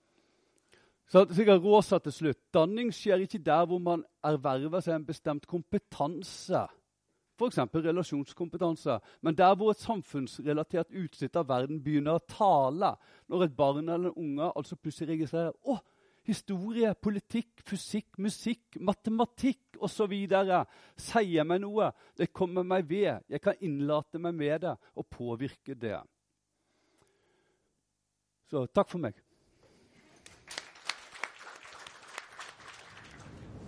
Da tror jeg vi alle sammen, eller de aller fleste av oss, er på plass. Og uh, dette var jo kjempe, kjempeinteressant. Og ryktene går om at det er mange som har noe på hjertet og ønsker å kommentere og komme med noen spørsmål her. Så vi gjør det litt annerledes enn det vi pleier å gjøre, hvor det er liksom veldig mye panelsamtale med dere og sånt. At vi, jeg tror vi begynner uh, at du kommenterer litt, eh, Frode, og så setter vi i gang en samtale her.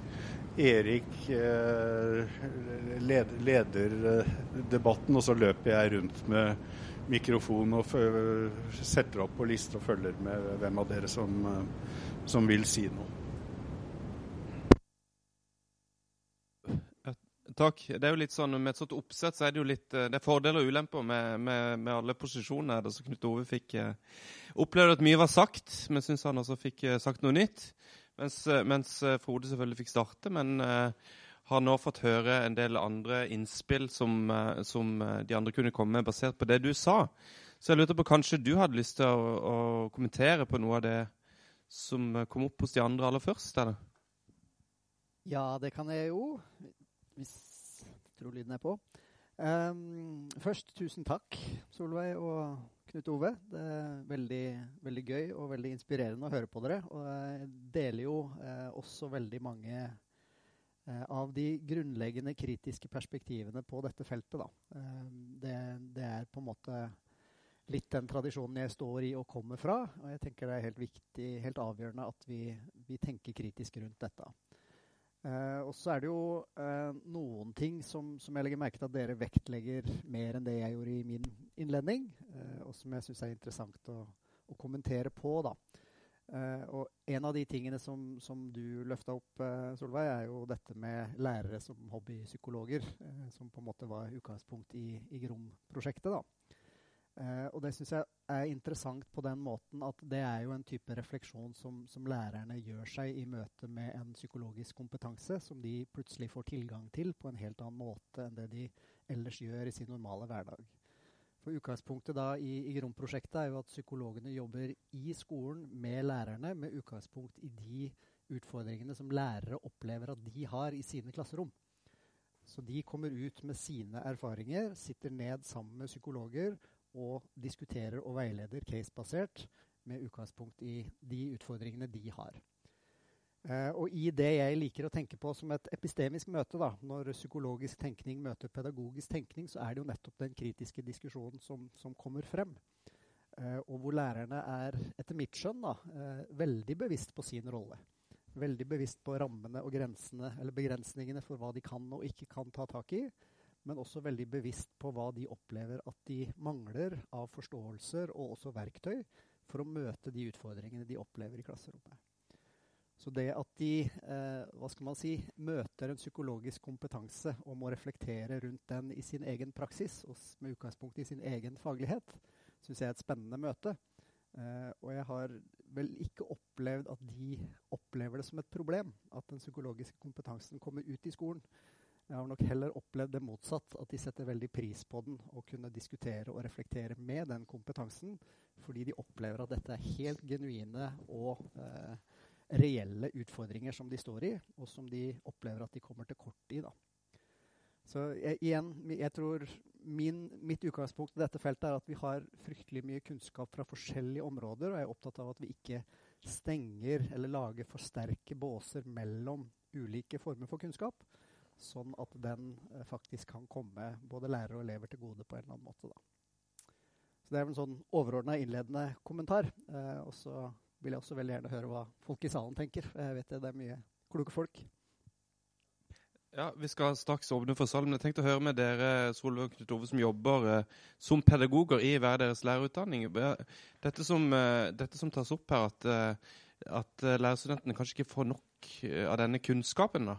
En ting er jo hvordan vi, dette med måling og sånt, men at, man har, eh, at psykologisk kunnskap skal spille en rolle i profesjonsutdanningen i PEL-faget er vel eh, ganske eh, det, er man vel enig om at den skal spille en rolle, men spørsmålet er hvilken rolle spiller den? Altså, Deler dere en, en, en sånn, eh, den beskrivelsen at, at, studentene har At det er rett og slett en mangel på denne type kunnskap når man kommer ut i skolen?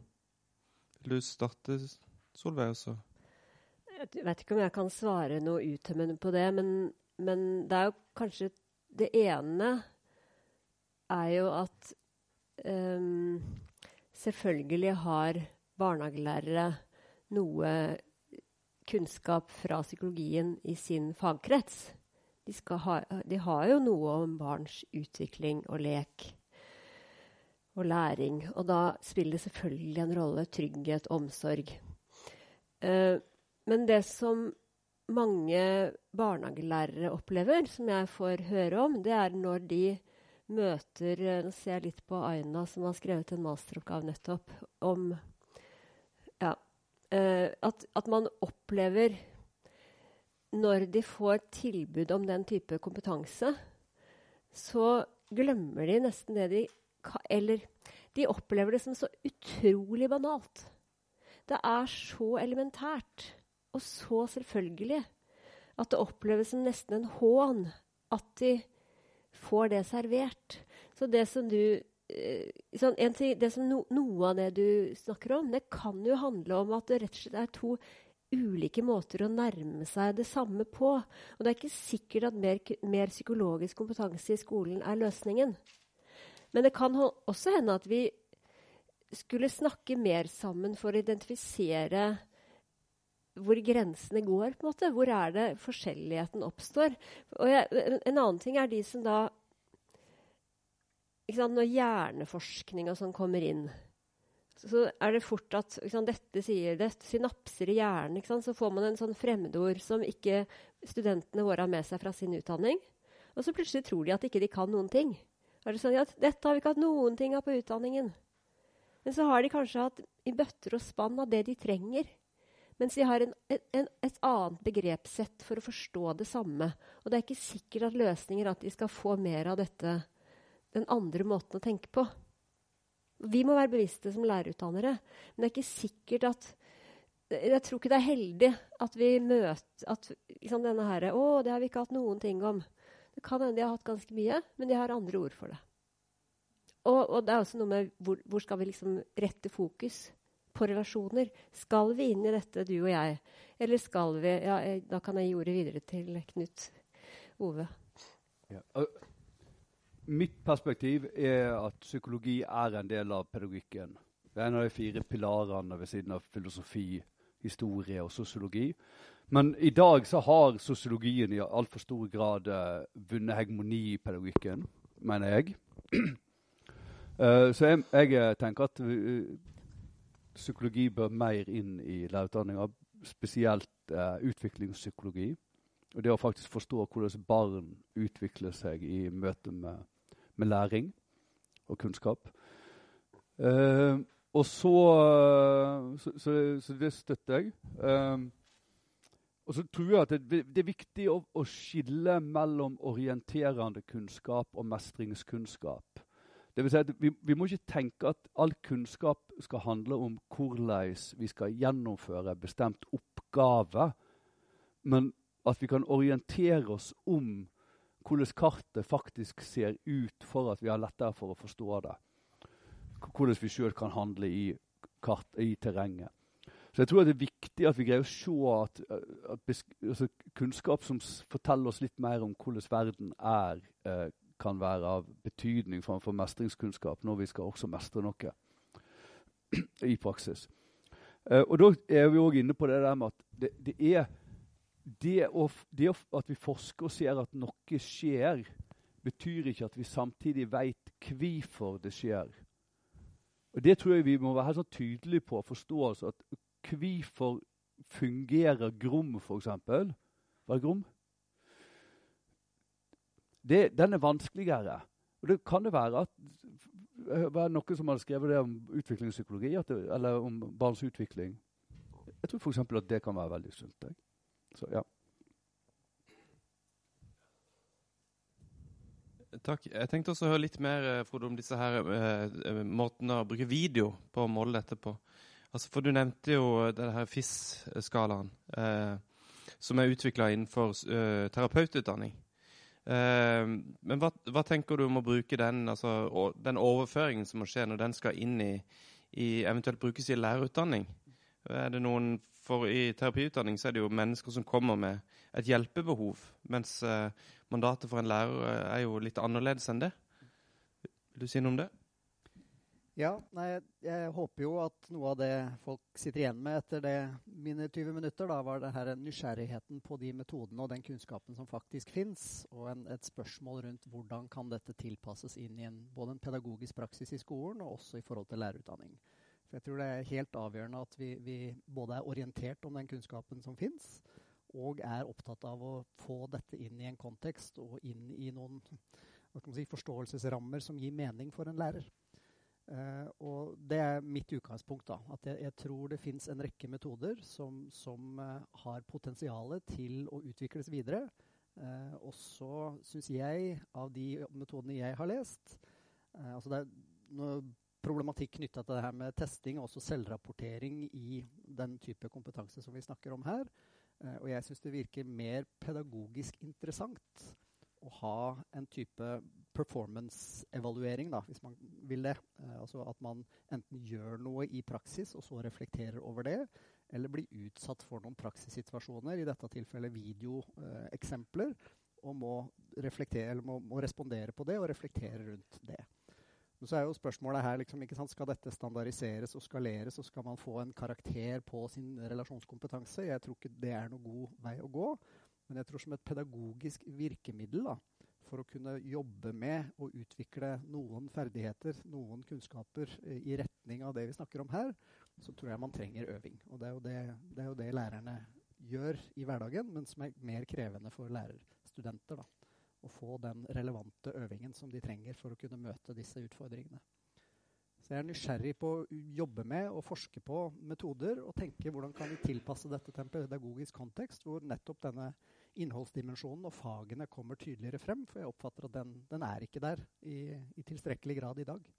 Mm. Ja, det, det, handler jo også om forholdet mellom teori og praksis. Det er jo en viktig del i viktig spørsmål i lærerutdanninga også. Altså, hvordan skal dette forholdet være? For hvis, det, hvis, man tenker performance, at lærerutdanningene skal være involvert i dette, så vil det på en måte bli en slags forskyvning hvor, hvor, uh, hvor lærerutdannerne beveger seg fra liksom, det skulle gi kunnskap og en, en, teoretisk basis til å være de som skal potensielt da, sette standard for hvordan praksis skal, skal utøves, som tidligere kanskje har vært noe i praksisfeltet. At det har vært sånn skille der da, som, som, kanskje blir sett på noen som problematisk, men som, kan, som det kanskje også kan være problematisk å overskride. Uh, Nei, altså, um, jeg eh, registrerer vel mer at, at i, både i Sverige og Danmark så, så er det noen initiativer knytta til å utvikle disse metodene. Mm. Og så har vi jo Spurkeland i Norge, men jeg er litt usikker på om det er andre som jobber med tilsvarende koblinger knytta til lærerutdanning per i dag. Da. Det kan godt, eh, Sikkert folk her som vet mer om det enn meg, men av det jeg kjenner til, da, så er det, er det tilsynelatende andre land som kobler dette tettere til, til sine lærerutdanninger enn det, det vi gjør. Mm. Da, men det så tror jeg vi åpner eh, salen her for spørsmål. Takk. Da ble jeg første person. Um, Jorunn Sandsmark heter jeg. Jeg har jobbet som kommunebyråkrat med skolepolitikk i over 30 år. Uh, og jeg har jobbet mye med skolemiljø, mobbing. Jeg har jobbet med veiledning av nyansatte nyutdanna, lærerutdanning og det, de meste. Så det er litt, litt, ulike innganger til dette her. Og så må jeg vel Frode si at jeg er litt inhabil i disse habilitetstider. At Frode og jeg har laget en bok som handler nettopp om hvordan man skal bygge fellesskap gjennom fagundervisningen. Bare sånn at dere kan ta det helt med ro. Uh, jeg har lyst til å bare si tre ting. Det ene er noen av oss har nettopp vært på en stor uh, World Anti-Bullying Forum-konferanse i USA. Der handler det om programmer og programfidelity. Og når det ikke virker, så er det fordi læreren ikke er trofast mot programmet. Den eneste motstemmen jeg hørte, og det var altså hva jeg hørte, for det var jo 18 seminarer og sesjoner, det var det skandinaviske perspektivet som trekker fram den profesjonelle læreren som en motpol til dette program, eh. Og også interessant å snakke med noen amerikanske praksisfelt som sier at det med relasjonen, det er, har vi privatisert i våre skoler. Så der ligger det også en dimensjon. For læreryrket er jo på en måte et personlig yrke. Du må gi av deg sjøl. Og jeg tror at i alt arbeidet med dette med veiledning av nyansatte nyutdanna, så møter vi jo ofte når vi sier ja, men hva er problematikken? Hvorfor skal lærere ha en veiledning? Hvorfor ikke alle andre yrkesgrupper? Så svarer lærerutdanningene ja, men de kan jo ikke lære alt i utdanningen. Og da er jo mitt svar ja, men det kan de ikke i noen utdanninger. Hva er det dere ikke kan undervise om i lærerutdanningen? Og hva er forskjellen på å undervise om og lære om og å praktisere? Og jeg tror det er noe av der det ligger noe relasjonelt og et relasjonelt perspektiv. For som lærerstudent så kan du lære om hvor viktig det er å bygge gode fellesskap, som jo også er en del av formålsparagrafen. Uh, og bygge relasjoner mellom elevene og mellom lærerne og elevene. Men idet du kommer ut i klasserommet med full klasse med 25 eller 28 elever, så står du der. Og så må du bygge den relasjonen med klassen, innad i klassen og med hver enkelt elev der og da. Og det savner jeg noen perspektiver på i lærerutdanningen. Altså dette perspektivet at du som lærer er nødt til å ha en relasjon, og du har en relasjon. Det var som en sa på et russekort, ingen er helt ubrukelig, man kan alltids tjene som avskrekkende eksempel. Og det vet vi jo, det kjenner vi alle de klassene. Så jeg tenker at der ligger en problematikk der. Og så har jeg også lyst til å bare utfordre der i forhold til det skjemaet som Oslo OsloMet har når man er i tvil om eller den lærerstudenten er skikka. Sjekk skikkethetsvurderingsskjemaet deres. For der skal dere virkelig vurdere den relasjonelle kompetansen til studentene. Men jeg utfordrer altså på den overgangen. Hva er det da ikke kan undervise om? Eller hva er det de ikke kan lære å praktisere? For praktiseringen skjer i klasserommet, men de kan virkelig lære om det i lærerutdanningen. Takk. Dere som er i lærerutdanningen, er det noen som tar uh, utfordringen? Jeg kan si litt, da. for det, og det, det, er veldig interessant. Vi har jo oppe de her diskusjonene. Vi har f.eks. Eh, studenter som syns noe av det vanskeligste eh, de, skal møte i, eh, i, eh, når de kommer ut i skolen, det er foreldre. Det er skumle saker. Og så kan man si ja, men hva er det som skal til da? Sant? Og så har jeg begynt å snakke om sånne scenariotrening, og at man skal på en måte øve på sant? å snakke med foreldre. Altså, jeg tenker å ha litt sånn annet perspektiv på det. og Jeg har ikke noe galt å øve på, men min tanke er at vi må få en god relasjon til oss sjøl som lærere. Og den relasjonen må være at du har en trygghet i din egen læreridentitet. At du veit hva du står for når det kommer til det sånn grunnleggende. Hvordan forstår du læring? Hvordan forstår du kunnskap? Hvordan forstår du mennesket? Hva er din relasjon til verden? På en sånn måte at du veit hva du står for. For da er det også mye lettere å snakke med andre mennesker. Så mitt sånn, lille sånn perspektiv inni det, er at det, og, det, og det her kan hende at, liksom, at, det, er, at det er sakn i lærerutdanninga i dag. Da, at vi er blitt for opptatt av å øve på alt mulig istedenfor å gi dem noe av det mest grunnleggende. Altså det her er det som Lars Løvli en gang omtalte som P3-nivået til læreren.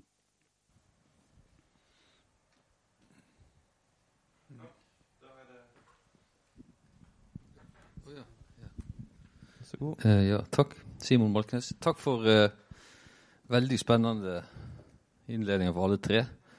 Eh, jeg har skrevet sånn inferno av notater som eh, går i alle retninger. Og det som skriker til meg på ene sida, her står det 'Fy faen, stakkars lærere!' Utropstegn. uh, og uh, her er ei sive der som har slått meg i, i sterkere og sterkere grad. Det er jo at altså, det har vært en ganske lang historie knytta til Altså Test-based accountability. Altså at en ansvarliggjør ulike nivåer i skolen for resultatene til skolen. Men det fremstår òg for meg som en bevegelse hvor, hvor eh, andre utenfor skolen har oppdaga liksom, lærerens siste skanse, som er lærerprofesjonens etiske plattform. Eller eh, Lærer sier ofte at vi skal se eleven, og vi snakker om relasjon. Og så eh, bortafor der så har læreren egentlig ikke noe språk for hvordan det her foregår. Men det feltet er oppdaga av alle andre nå. Og Grunnen til at jeg banner på sida her, det er jo at her er et begrep som heter emotional accountability. Altså det at en forsøker å kartlegge og, og undersøke eh, lærerens indre sjelliv eh, og identifisere mangler ved det.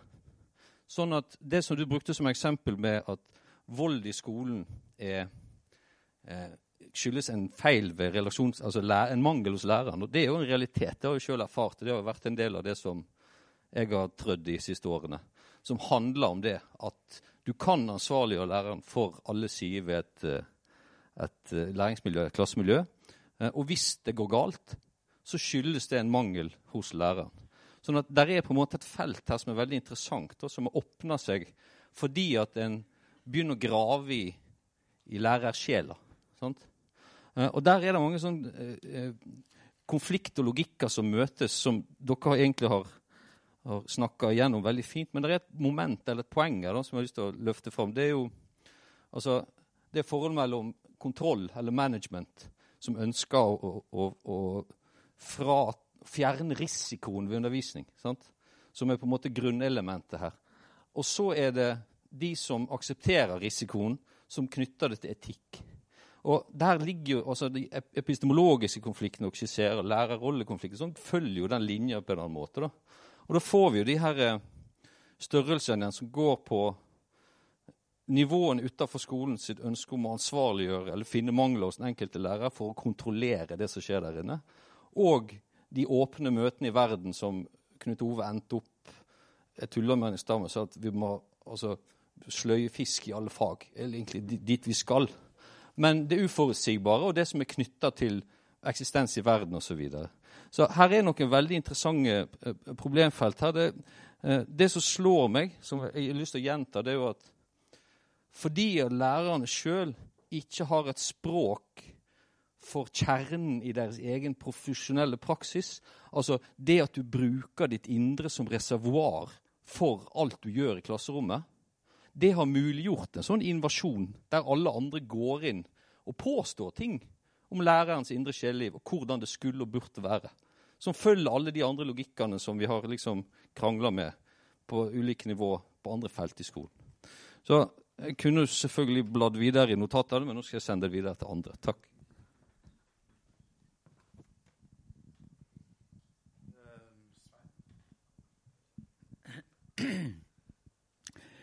Ja, takk for Den er på. Eh, for uh, veldig inspirerende bidrag fra alle tre. For meg som er blitt så gammel i tralten, så er det en glede å møte Skjerveim 2. og merke at den inspirasjonen som Skjerveim ga til mange Jeg kjente han veldig godt eh, den gang, eh, den er fremdeles til stede verden i dag. Eh, når jeg skriver om disse tingene, så, så kommer jeg stadig tilbake til Skjervheim. Eh, men det var et par andre ting som jeg har tenkt å ta opp. og Det er at eh, her etterlyses jo eh, litteratur på norsk omkring dette, i dette feltet. Og det forundrer meg at ingen har nevnt en annen Spurkland, Marte Spurkland. Vet ikke om hun har noe med, med den Spurkland som Frode nevnte her, å gjøre. Men altså, den beskrivelse av klassen er en beskrivelse av en lærer med relasjonskompetanse. Men på en måte så er hun en eh, einstøing i det, i det skolemiljøet. Eh, hun blir jo ikke forstått. Eh, og det virker som om eh, den læreren eh, tror at det er mulig å realisere hennes relasjon, e, egen relasjonskompetanse eh, med det skolesystemet som vi har i dag. Og det vil jeg jo spørre er det virkelig mulig. Og da tenker jeg mye på, på eh, evalueringsformene som fortsatt gjelder i skolen. Eh, en annen som har tatt opp disse problemene som dere arbeider med, er jo Ole Martin Moen i den boka om omsorgs, skolens omsorgssvikt. Og der fremhever han jo eh, profesjonsmonopolet i skolen. Altså lærerens profesjonsmonopol. Eh, og hans poeng er jo at hvis andre profesjoner hadde sluppet til i skolen, så hadde situasjonen sett annerledes ut. For alle andre, alle, på alle andre arenaer hvor en behandler ungdom, så er det mange ulike profesjoner i bildet. Og det tilbake til eller, Marte Spøkelands eh, bok. Eh, der sier jo eh, denne læreren som mestrer relasjonskompetansen, hun sier jo at jeg må gjøre jobben for alle mulige andre profesjoner. Til og med for politiet. Hun anmelder jo Eh, en av foreldrene til politiet. Eh, og snakker om sosial, Jeg er også sosialarbeider. Jeg må mestre omtrent det meste. Eh, så hvorfor ikke ta opp de norske kildene, de som beskriver situasjonen i skolen i dag? en tredje kilde er jo Andreas Sien Lenders. Den boka om 'Skolen er ikke for alle'. som også gir en beskrivelse av en lærers erfaringer fra eh, skolen i dag. Og dere har ikke nevnt uh, uh, ny, den nye læreplanen. Er det ingenting uh, å hente i den? Altså fagfornyelsen, gir den noe løsning? Peker den på noe som er viktig å ta med seg videre? Det er jeg interessert i å høre. Er det noen som har lyst til å kommentere på det? Frode? Jeg kan, jeg kan jo starte, og så får sikkert flere lov. Men, uh, men uh, veldig morsomt at du tar opp uh, Marte Spurkland. For det, den boka satt jeg med tårer i øynene og etter å ha lest, og jeg bestemte meg på, etter å ha lest den for at dette var noe jeg ville gå inn i i min doktorgrad. så jeg har brukt mye tid på den boka. og et av de eksemplene som jeg husker aller best, er jo hvordan denne læreren bruker norskfaget Eh, og spesielt da i dette tilfellet diktanalyse av Carpe Diems påfugl som en inngang til å etablere relasjoner med elevene. For å komme inn i deres livsverden og få noe felles å snakke om. Altså det møtet.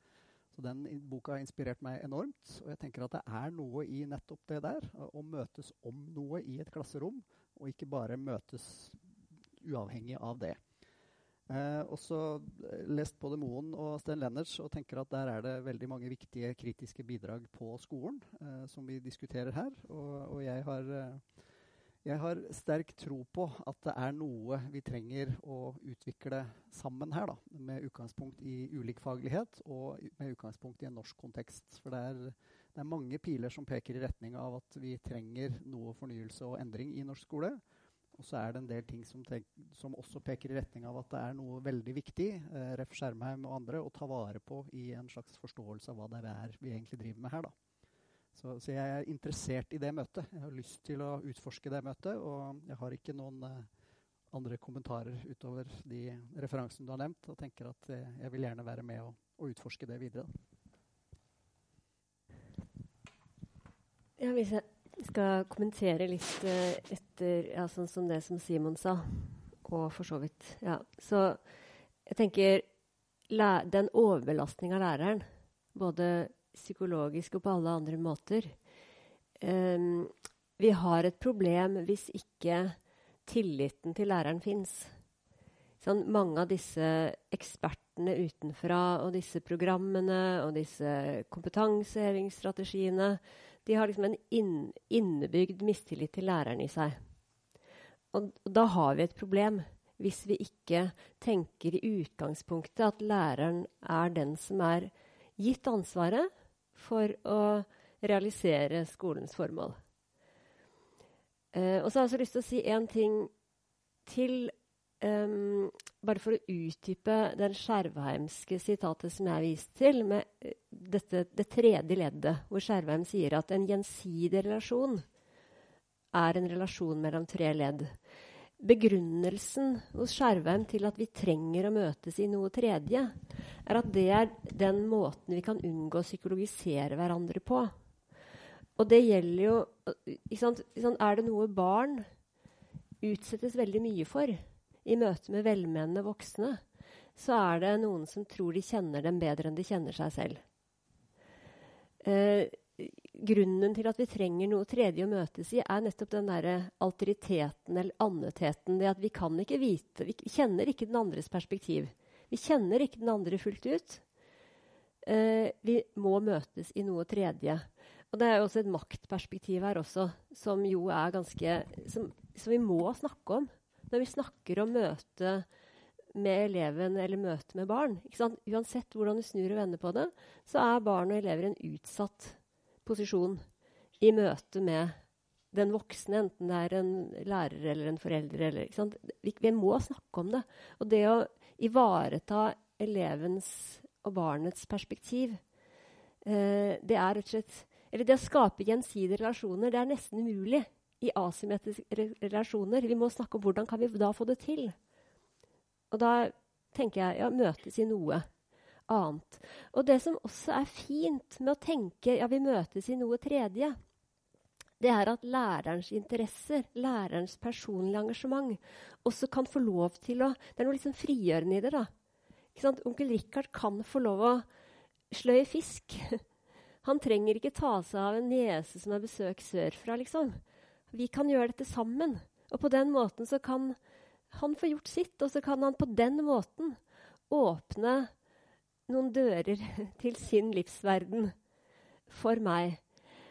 Og kanskje kan det også være en måte å liksom, hvis vi, liksom, Hva er det lærerne er interessert i? da? Hvem er de som personer? Knut Ove møtte en elev som var veldig interessert i matematikk grunnen til Nå skal ikke jeg overfortolke, men jeg vil tro at i møte med en lærer som ikke var så opptatt av matematikk, så ville kanskje ikke det kunne oppstått. Da ville det kanskje vært noe annet. Sånn, fordi det er nettopp i møte med en annen Elever vet Vi husker jo det selv, hvis vi tenker tilbake. Møter med lærere som ga oss noe. Det var jo ikke nødvendigvis de som liksom var de mest fantastiske menneskene. De kunne være rare og sære og spesielle på alle mulige måter. Hvis de hadde noe de brant for, så var det med på å åpne noen dører for oss. Eh, bare litt sånn om det med det systemiske. Jeg, jeg, tror allerede så er jeg liksom på vei inn nye profesjoner, i, iallfall fall i videregående skole, miljøarbeidere og sånn. Og jeg tror at det kommer til å trenge seg på i, i skolen òg på et eller annet vis. Altså at, uh, at læreren altså, får et større lag rundt seg uh, i, i, arbeidet. Og det, jeg, jeg, tror at kanskje det med, med ja, hvor mange, altså, Hvordan lærere har det i skolen, jeg tror det kan være en av årsakene til det. Takk. Du nevnte jo eh, LK20 også, eh, fagfornyelsen. Det har vi diskutert flere ganger her før òg. Og det er jo også interessant om kompetanse, altså denne her accountability-tenkningen, om det er rom for den, om den lar seg faktisk kombinere med, med denne måten å tenke på. Hvor også innholdet kanskje blir ganske usynlig, hvor det heller beskrives hva, hva som skal mestres, hva som skal komme ut i den andre enden. Så det er også et, et interessant diskusjon om, om eh, faktisk rammene for skolen er tillater dette, at vi ser disse tingene.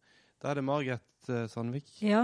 Uh, jeg skal si noe fra kommunikasjonsfaget eller interaksjonsperspektivet uh, på temaet i dag. Og du sa, Solveig, felles forståelse. Det er viktig. Altså alle, alle, løper etter denne felles forståelsen.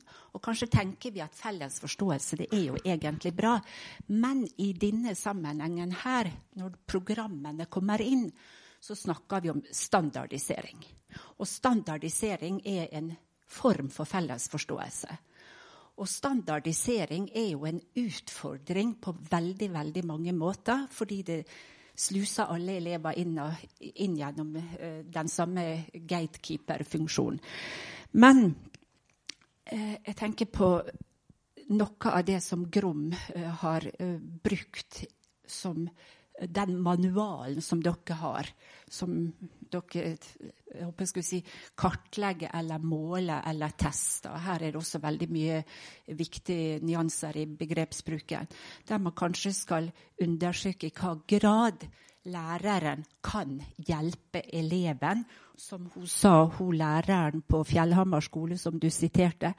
Eh, og dette her har hjulpet med å hjelpe eleven uten at det oppleves negativt for de andre. Jeg har to kommentarer til akkurat det å kunne hjelpe eleven uten at det oppleves negativt for de andre. Eh, lærerens oppgave er å hjelpe e- elevene. Støtte, bygge stillas. Det snakker vi masse om på lærerutdanninga. Hvordan gjør vi det?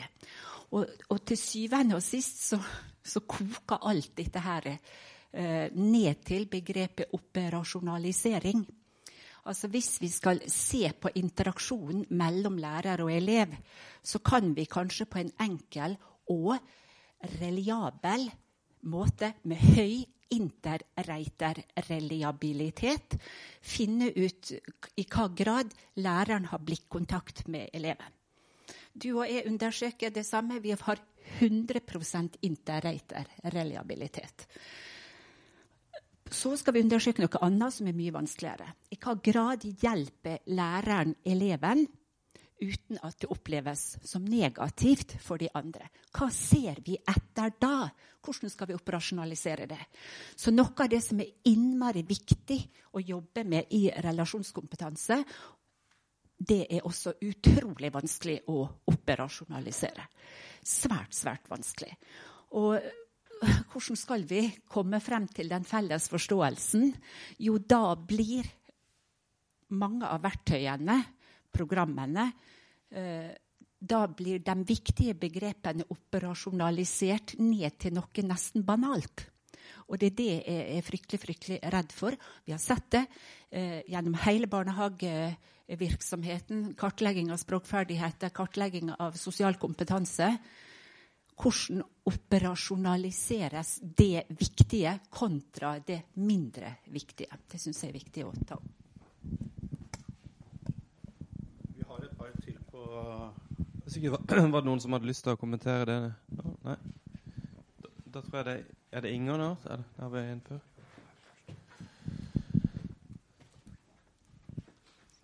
Hei, jeg heter Selma Lyng og er kollega med Frode på AFI. Og har jobbet mye med eh, skolemiljø og læring. Mye fra elevperspektivet, men også fra lærerperspektivet. Men jeg er sosiolog i bånn, da. Eh, og jeg bare tenkte først at var, jeg var litt opptatt altså, Jeg syns også det var veldig eh, veldig nyttig oppsummering også av det detaljstyring, ikke sant? evidensbasering, den som du hadde i introduksjonen. Eh, og det er veldig viktig å ha med. Men jeg er litt opptatt av at ikke liksom Grom blir plassert i en sånn programbag. da.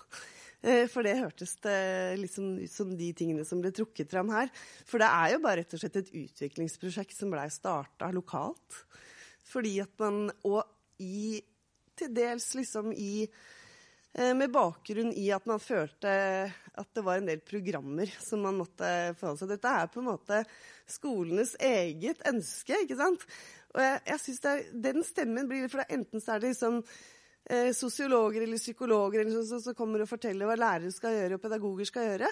Eller så liksom, er det programskapere. Men veldig mye av den forskninga, hvert fall den sosiologiske forskninga som vi har gjort, og som er pedagogisk, den er jo basert på eh, lærere og elevers opplevelser og erfaringer og observasjoner i klasserommet.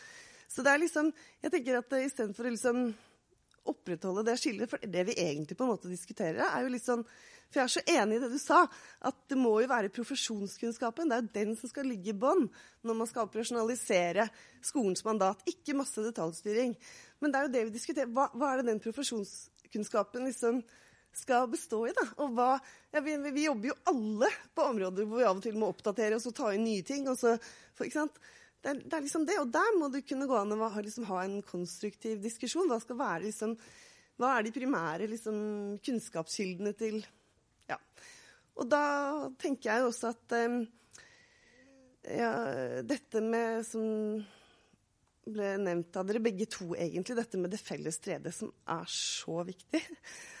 eh, og at det Og selvfølgelig at, man, at ikke relasjonen bare er en greie i seg selv, men at det er noe som skapes gjennom at man har et felles tredje man utforsker.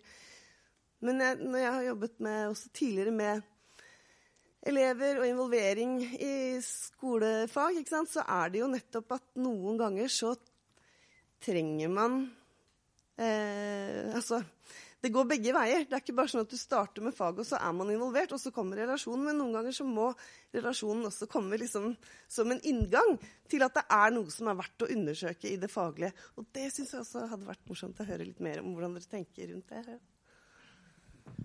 Solveig? Ja, det er glad du, glad du konfronterer meg med de mangel på nyansene som var i mitt innlegg. Fordi det var, det var tilsikta fra min side. Sånn, det er jo sånn at uh, den kritikken jeg har av programinvasjonen og logikken og disse liksom, evidensbaserte, behavristisk orienterte programmer, den gjelder jo ikke altså jeg, er klar over at Grom-prosjektet ikke står i den tradisjonen, og at heller ikke Trygghetssirkelen står i den, har det funa, faglige fundamentet. Um, så mitt poeng er mer at når vi først ønsker dette velkommen inn, når vi først ønsker programmene velkommen inn, så åpner vi også døra for, for den ganske skadelige programmer. da. En ganske skadelig tilnærming til mennesker som ligger i disse her belønningssystemene og det. Og at når de først er kommet inn, så blir det sånn at ja, men vi har et annet Hvis vi først sier at skolen skal få lov å være et marked for standardiserte løsninger og programmer, så blir det, så blir det et nødvendig svar å komme med andre typer programmer. Og jeg skulle ønske meg at vi slapp det. Jeg skulle ønske meg at øh, vi kunne snakke om kompetanseheving eller kompetansebygging gjennom utdanningen. At våre studenter kommer ut med kunnskap om fag og om relasjoner. Ikke bare psykologisk kompetanse om relasjoner, men at de også kan noe om lek og fellesskap og vennskap. Veldig ofte når vi snakker om relasjoner, eller når det snakkes om relasjonskompetanse og psykologisk kompetanse, så er det liksom barn-voksen-relasjonen, mens vennskap og barnefellesskap blir mindre vektlagt. Men, men jeg, jeg, jeg, skulle veldig ønske meg at vi kunne vært et annet sted. Vil, hvis vi kunne starta liksom, Rydda bort hele programindustrien og sagt at ja, selvfølgelig skal lærere og barnehagelærere ta videreutdanninger. det har de jo alltid gjort. Men det er liksom der det må, det er der det må starte. Det må være, og det må være, starte i skolen skolen sitt ønske om å bygge kompetanse på noe. Ikke kommunen som har vedtatt. Nå kom det nettopp en rapport om barnehageeier. Som Min kontakt med barnehagelærere forteller at barnehagene pålegges alle mulige programmer av barnehageeier. Og så sier barnehageeierne, de som er representanten for skolesjefer og barnehagesjefer, at det er politikerne som har bestemt. Så det er en sånn overstyring og umyndiggjøring på alle ledd istedenfor det motsatte. Vi skal realisere et formål som handler om barns og elevers medvirkning. Men hvordan kan vi i det hele tatt åpne for det hvis det er umyndiggjøring på alle ledd? Vi kunne fått det til motsatt. Myndiggjøring på alle ledd. Eh, eller umyndiggjøring på alle, ledd. Det er det som er liksom alvoret. Når du snakker her, så tenker jeg også på dette med, altså, i forhold til lærerutdanningen, dette med desentralisert kompetanseutvikling, som vi både har i, i, i på lærerutdanning og i barnehagelærerutdanning er det vel eh, lignende programmer. Det er også et veldig interessant spørsmål. Altså, hvordan fungerer disse programmene? Fungerer de etter hensikten, hvor du har et, eh, et, et uh, mulighet til å skape kontakter på, på grasrotnivå mellom lærerutdanningene og, og eh, skole og barnehager, eller blir det toppstyrt? og Kommer noe av den logikken inn i, i dette? Selv om dette i og for seg ikke er et program, så er det jo kan det jo kanskje medføre det, noen elementer av det, hvis det blir toppstyrt og ikke basert på nedenfor. Vi nærmer oss slutten, ser jeg nå, men vi har Inger hadde et spørsmål og en kort til slutt. Ja. Ja, jeg heter Inger Ulleberg og har jobbet lenge her på Oslo OsloMet og drevet mye med kommunikasjon og kommunikasjonsteori. Uh, og jeg har bare lyst til å gripe fatt i noe av det du sa, Solveig, om lærere som er forskjellige og rare, og noen er stille, og noen er brautende, og de finner måten sin å være lærer på på mange ulike vis. Og jeg tenker det er så viktig. Altså, Relasjonskompetanse kan fort virke til ensretting. At da skal man være god på samme måten. Eller god til det samme. Istedenfor å tenke mangfold og ulikhet. Og det samme med unger. Sosial kompetanse. Eh, virker også fort til ensretting, istedenfor at unger også kan få lov til å være sjenerte og stille og brautende og masete og være eh, hele greia.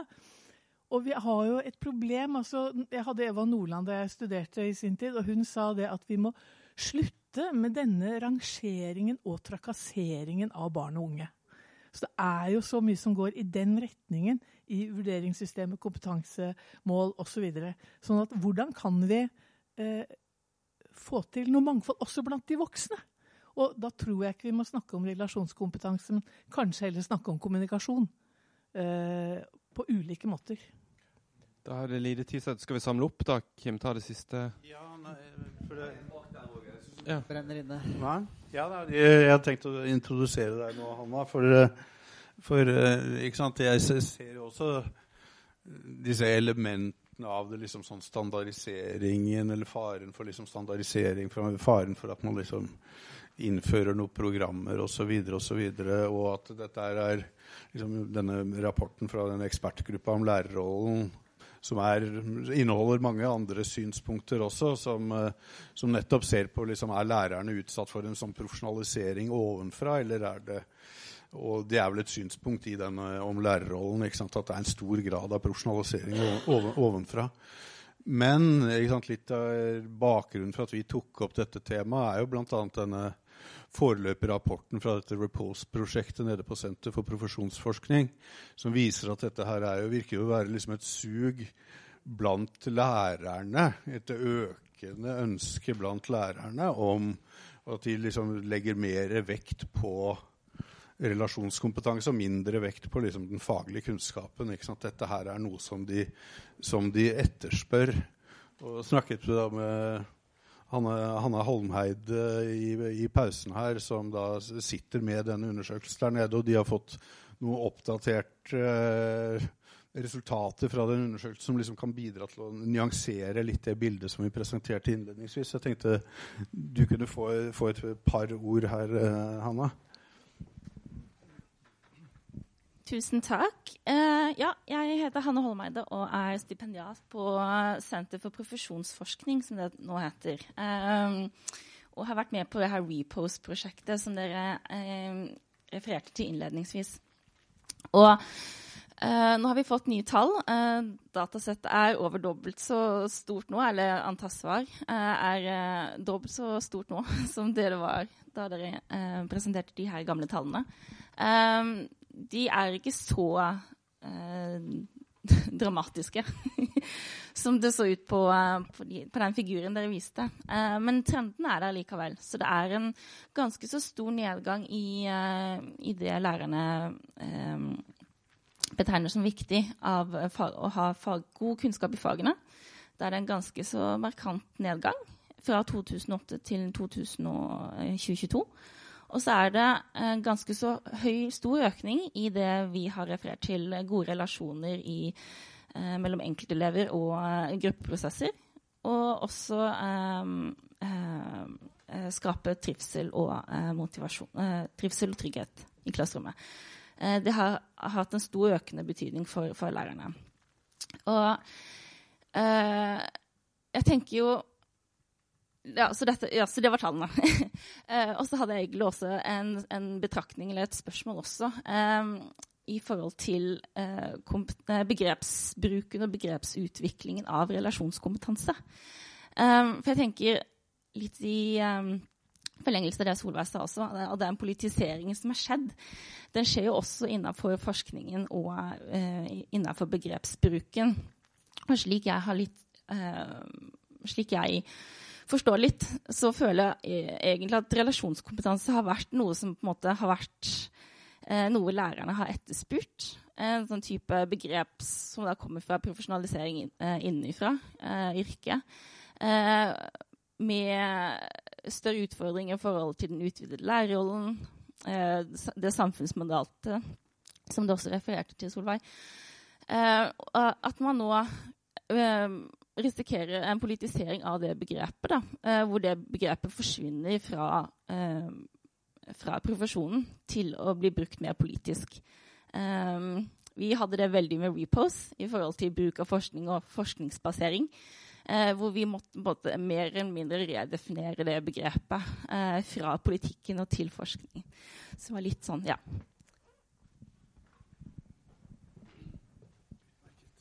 Takk. Det var interessant å få oppdatert eh, tall fra, fra, det prosjektet. Eh, vi er litt på overtid. Er det noen som har lyst til å kommentere noe av det siste som ble sagt her, eller? Nei? Da tror jeg vi sier takk for oss, og tusen takk til panelet vårt. Og til alle dere som har deltatt. Ja, og tradisjonen tro, eh, så for alle som eh, innleder på Kritisk tenkning-forumet vårt, får ei håndstrikka og ei håndfarga lue av undertegnede. Og den er veldig grønn. Eh, og så står det her 'Takk for at du synes'. Og du kan også velge å lese det 'Takk for at du syns' noe. Så her er tre størrelser. Jeg vet ikke hvem som har det største hodet her. Men vi begynner med eh, den i medium, og så skal dere få hver sin i såkalt large. Tusen takk. Fantastisk.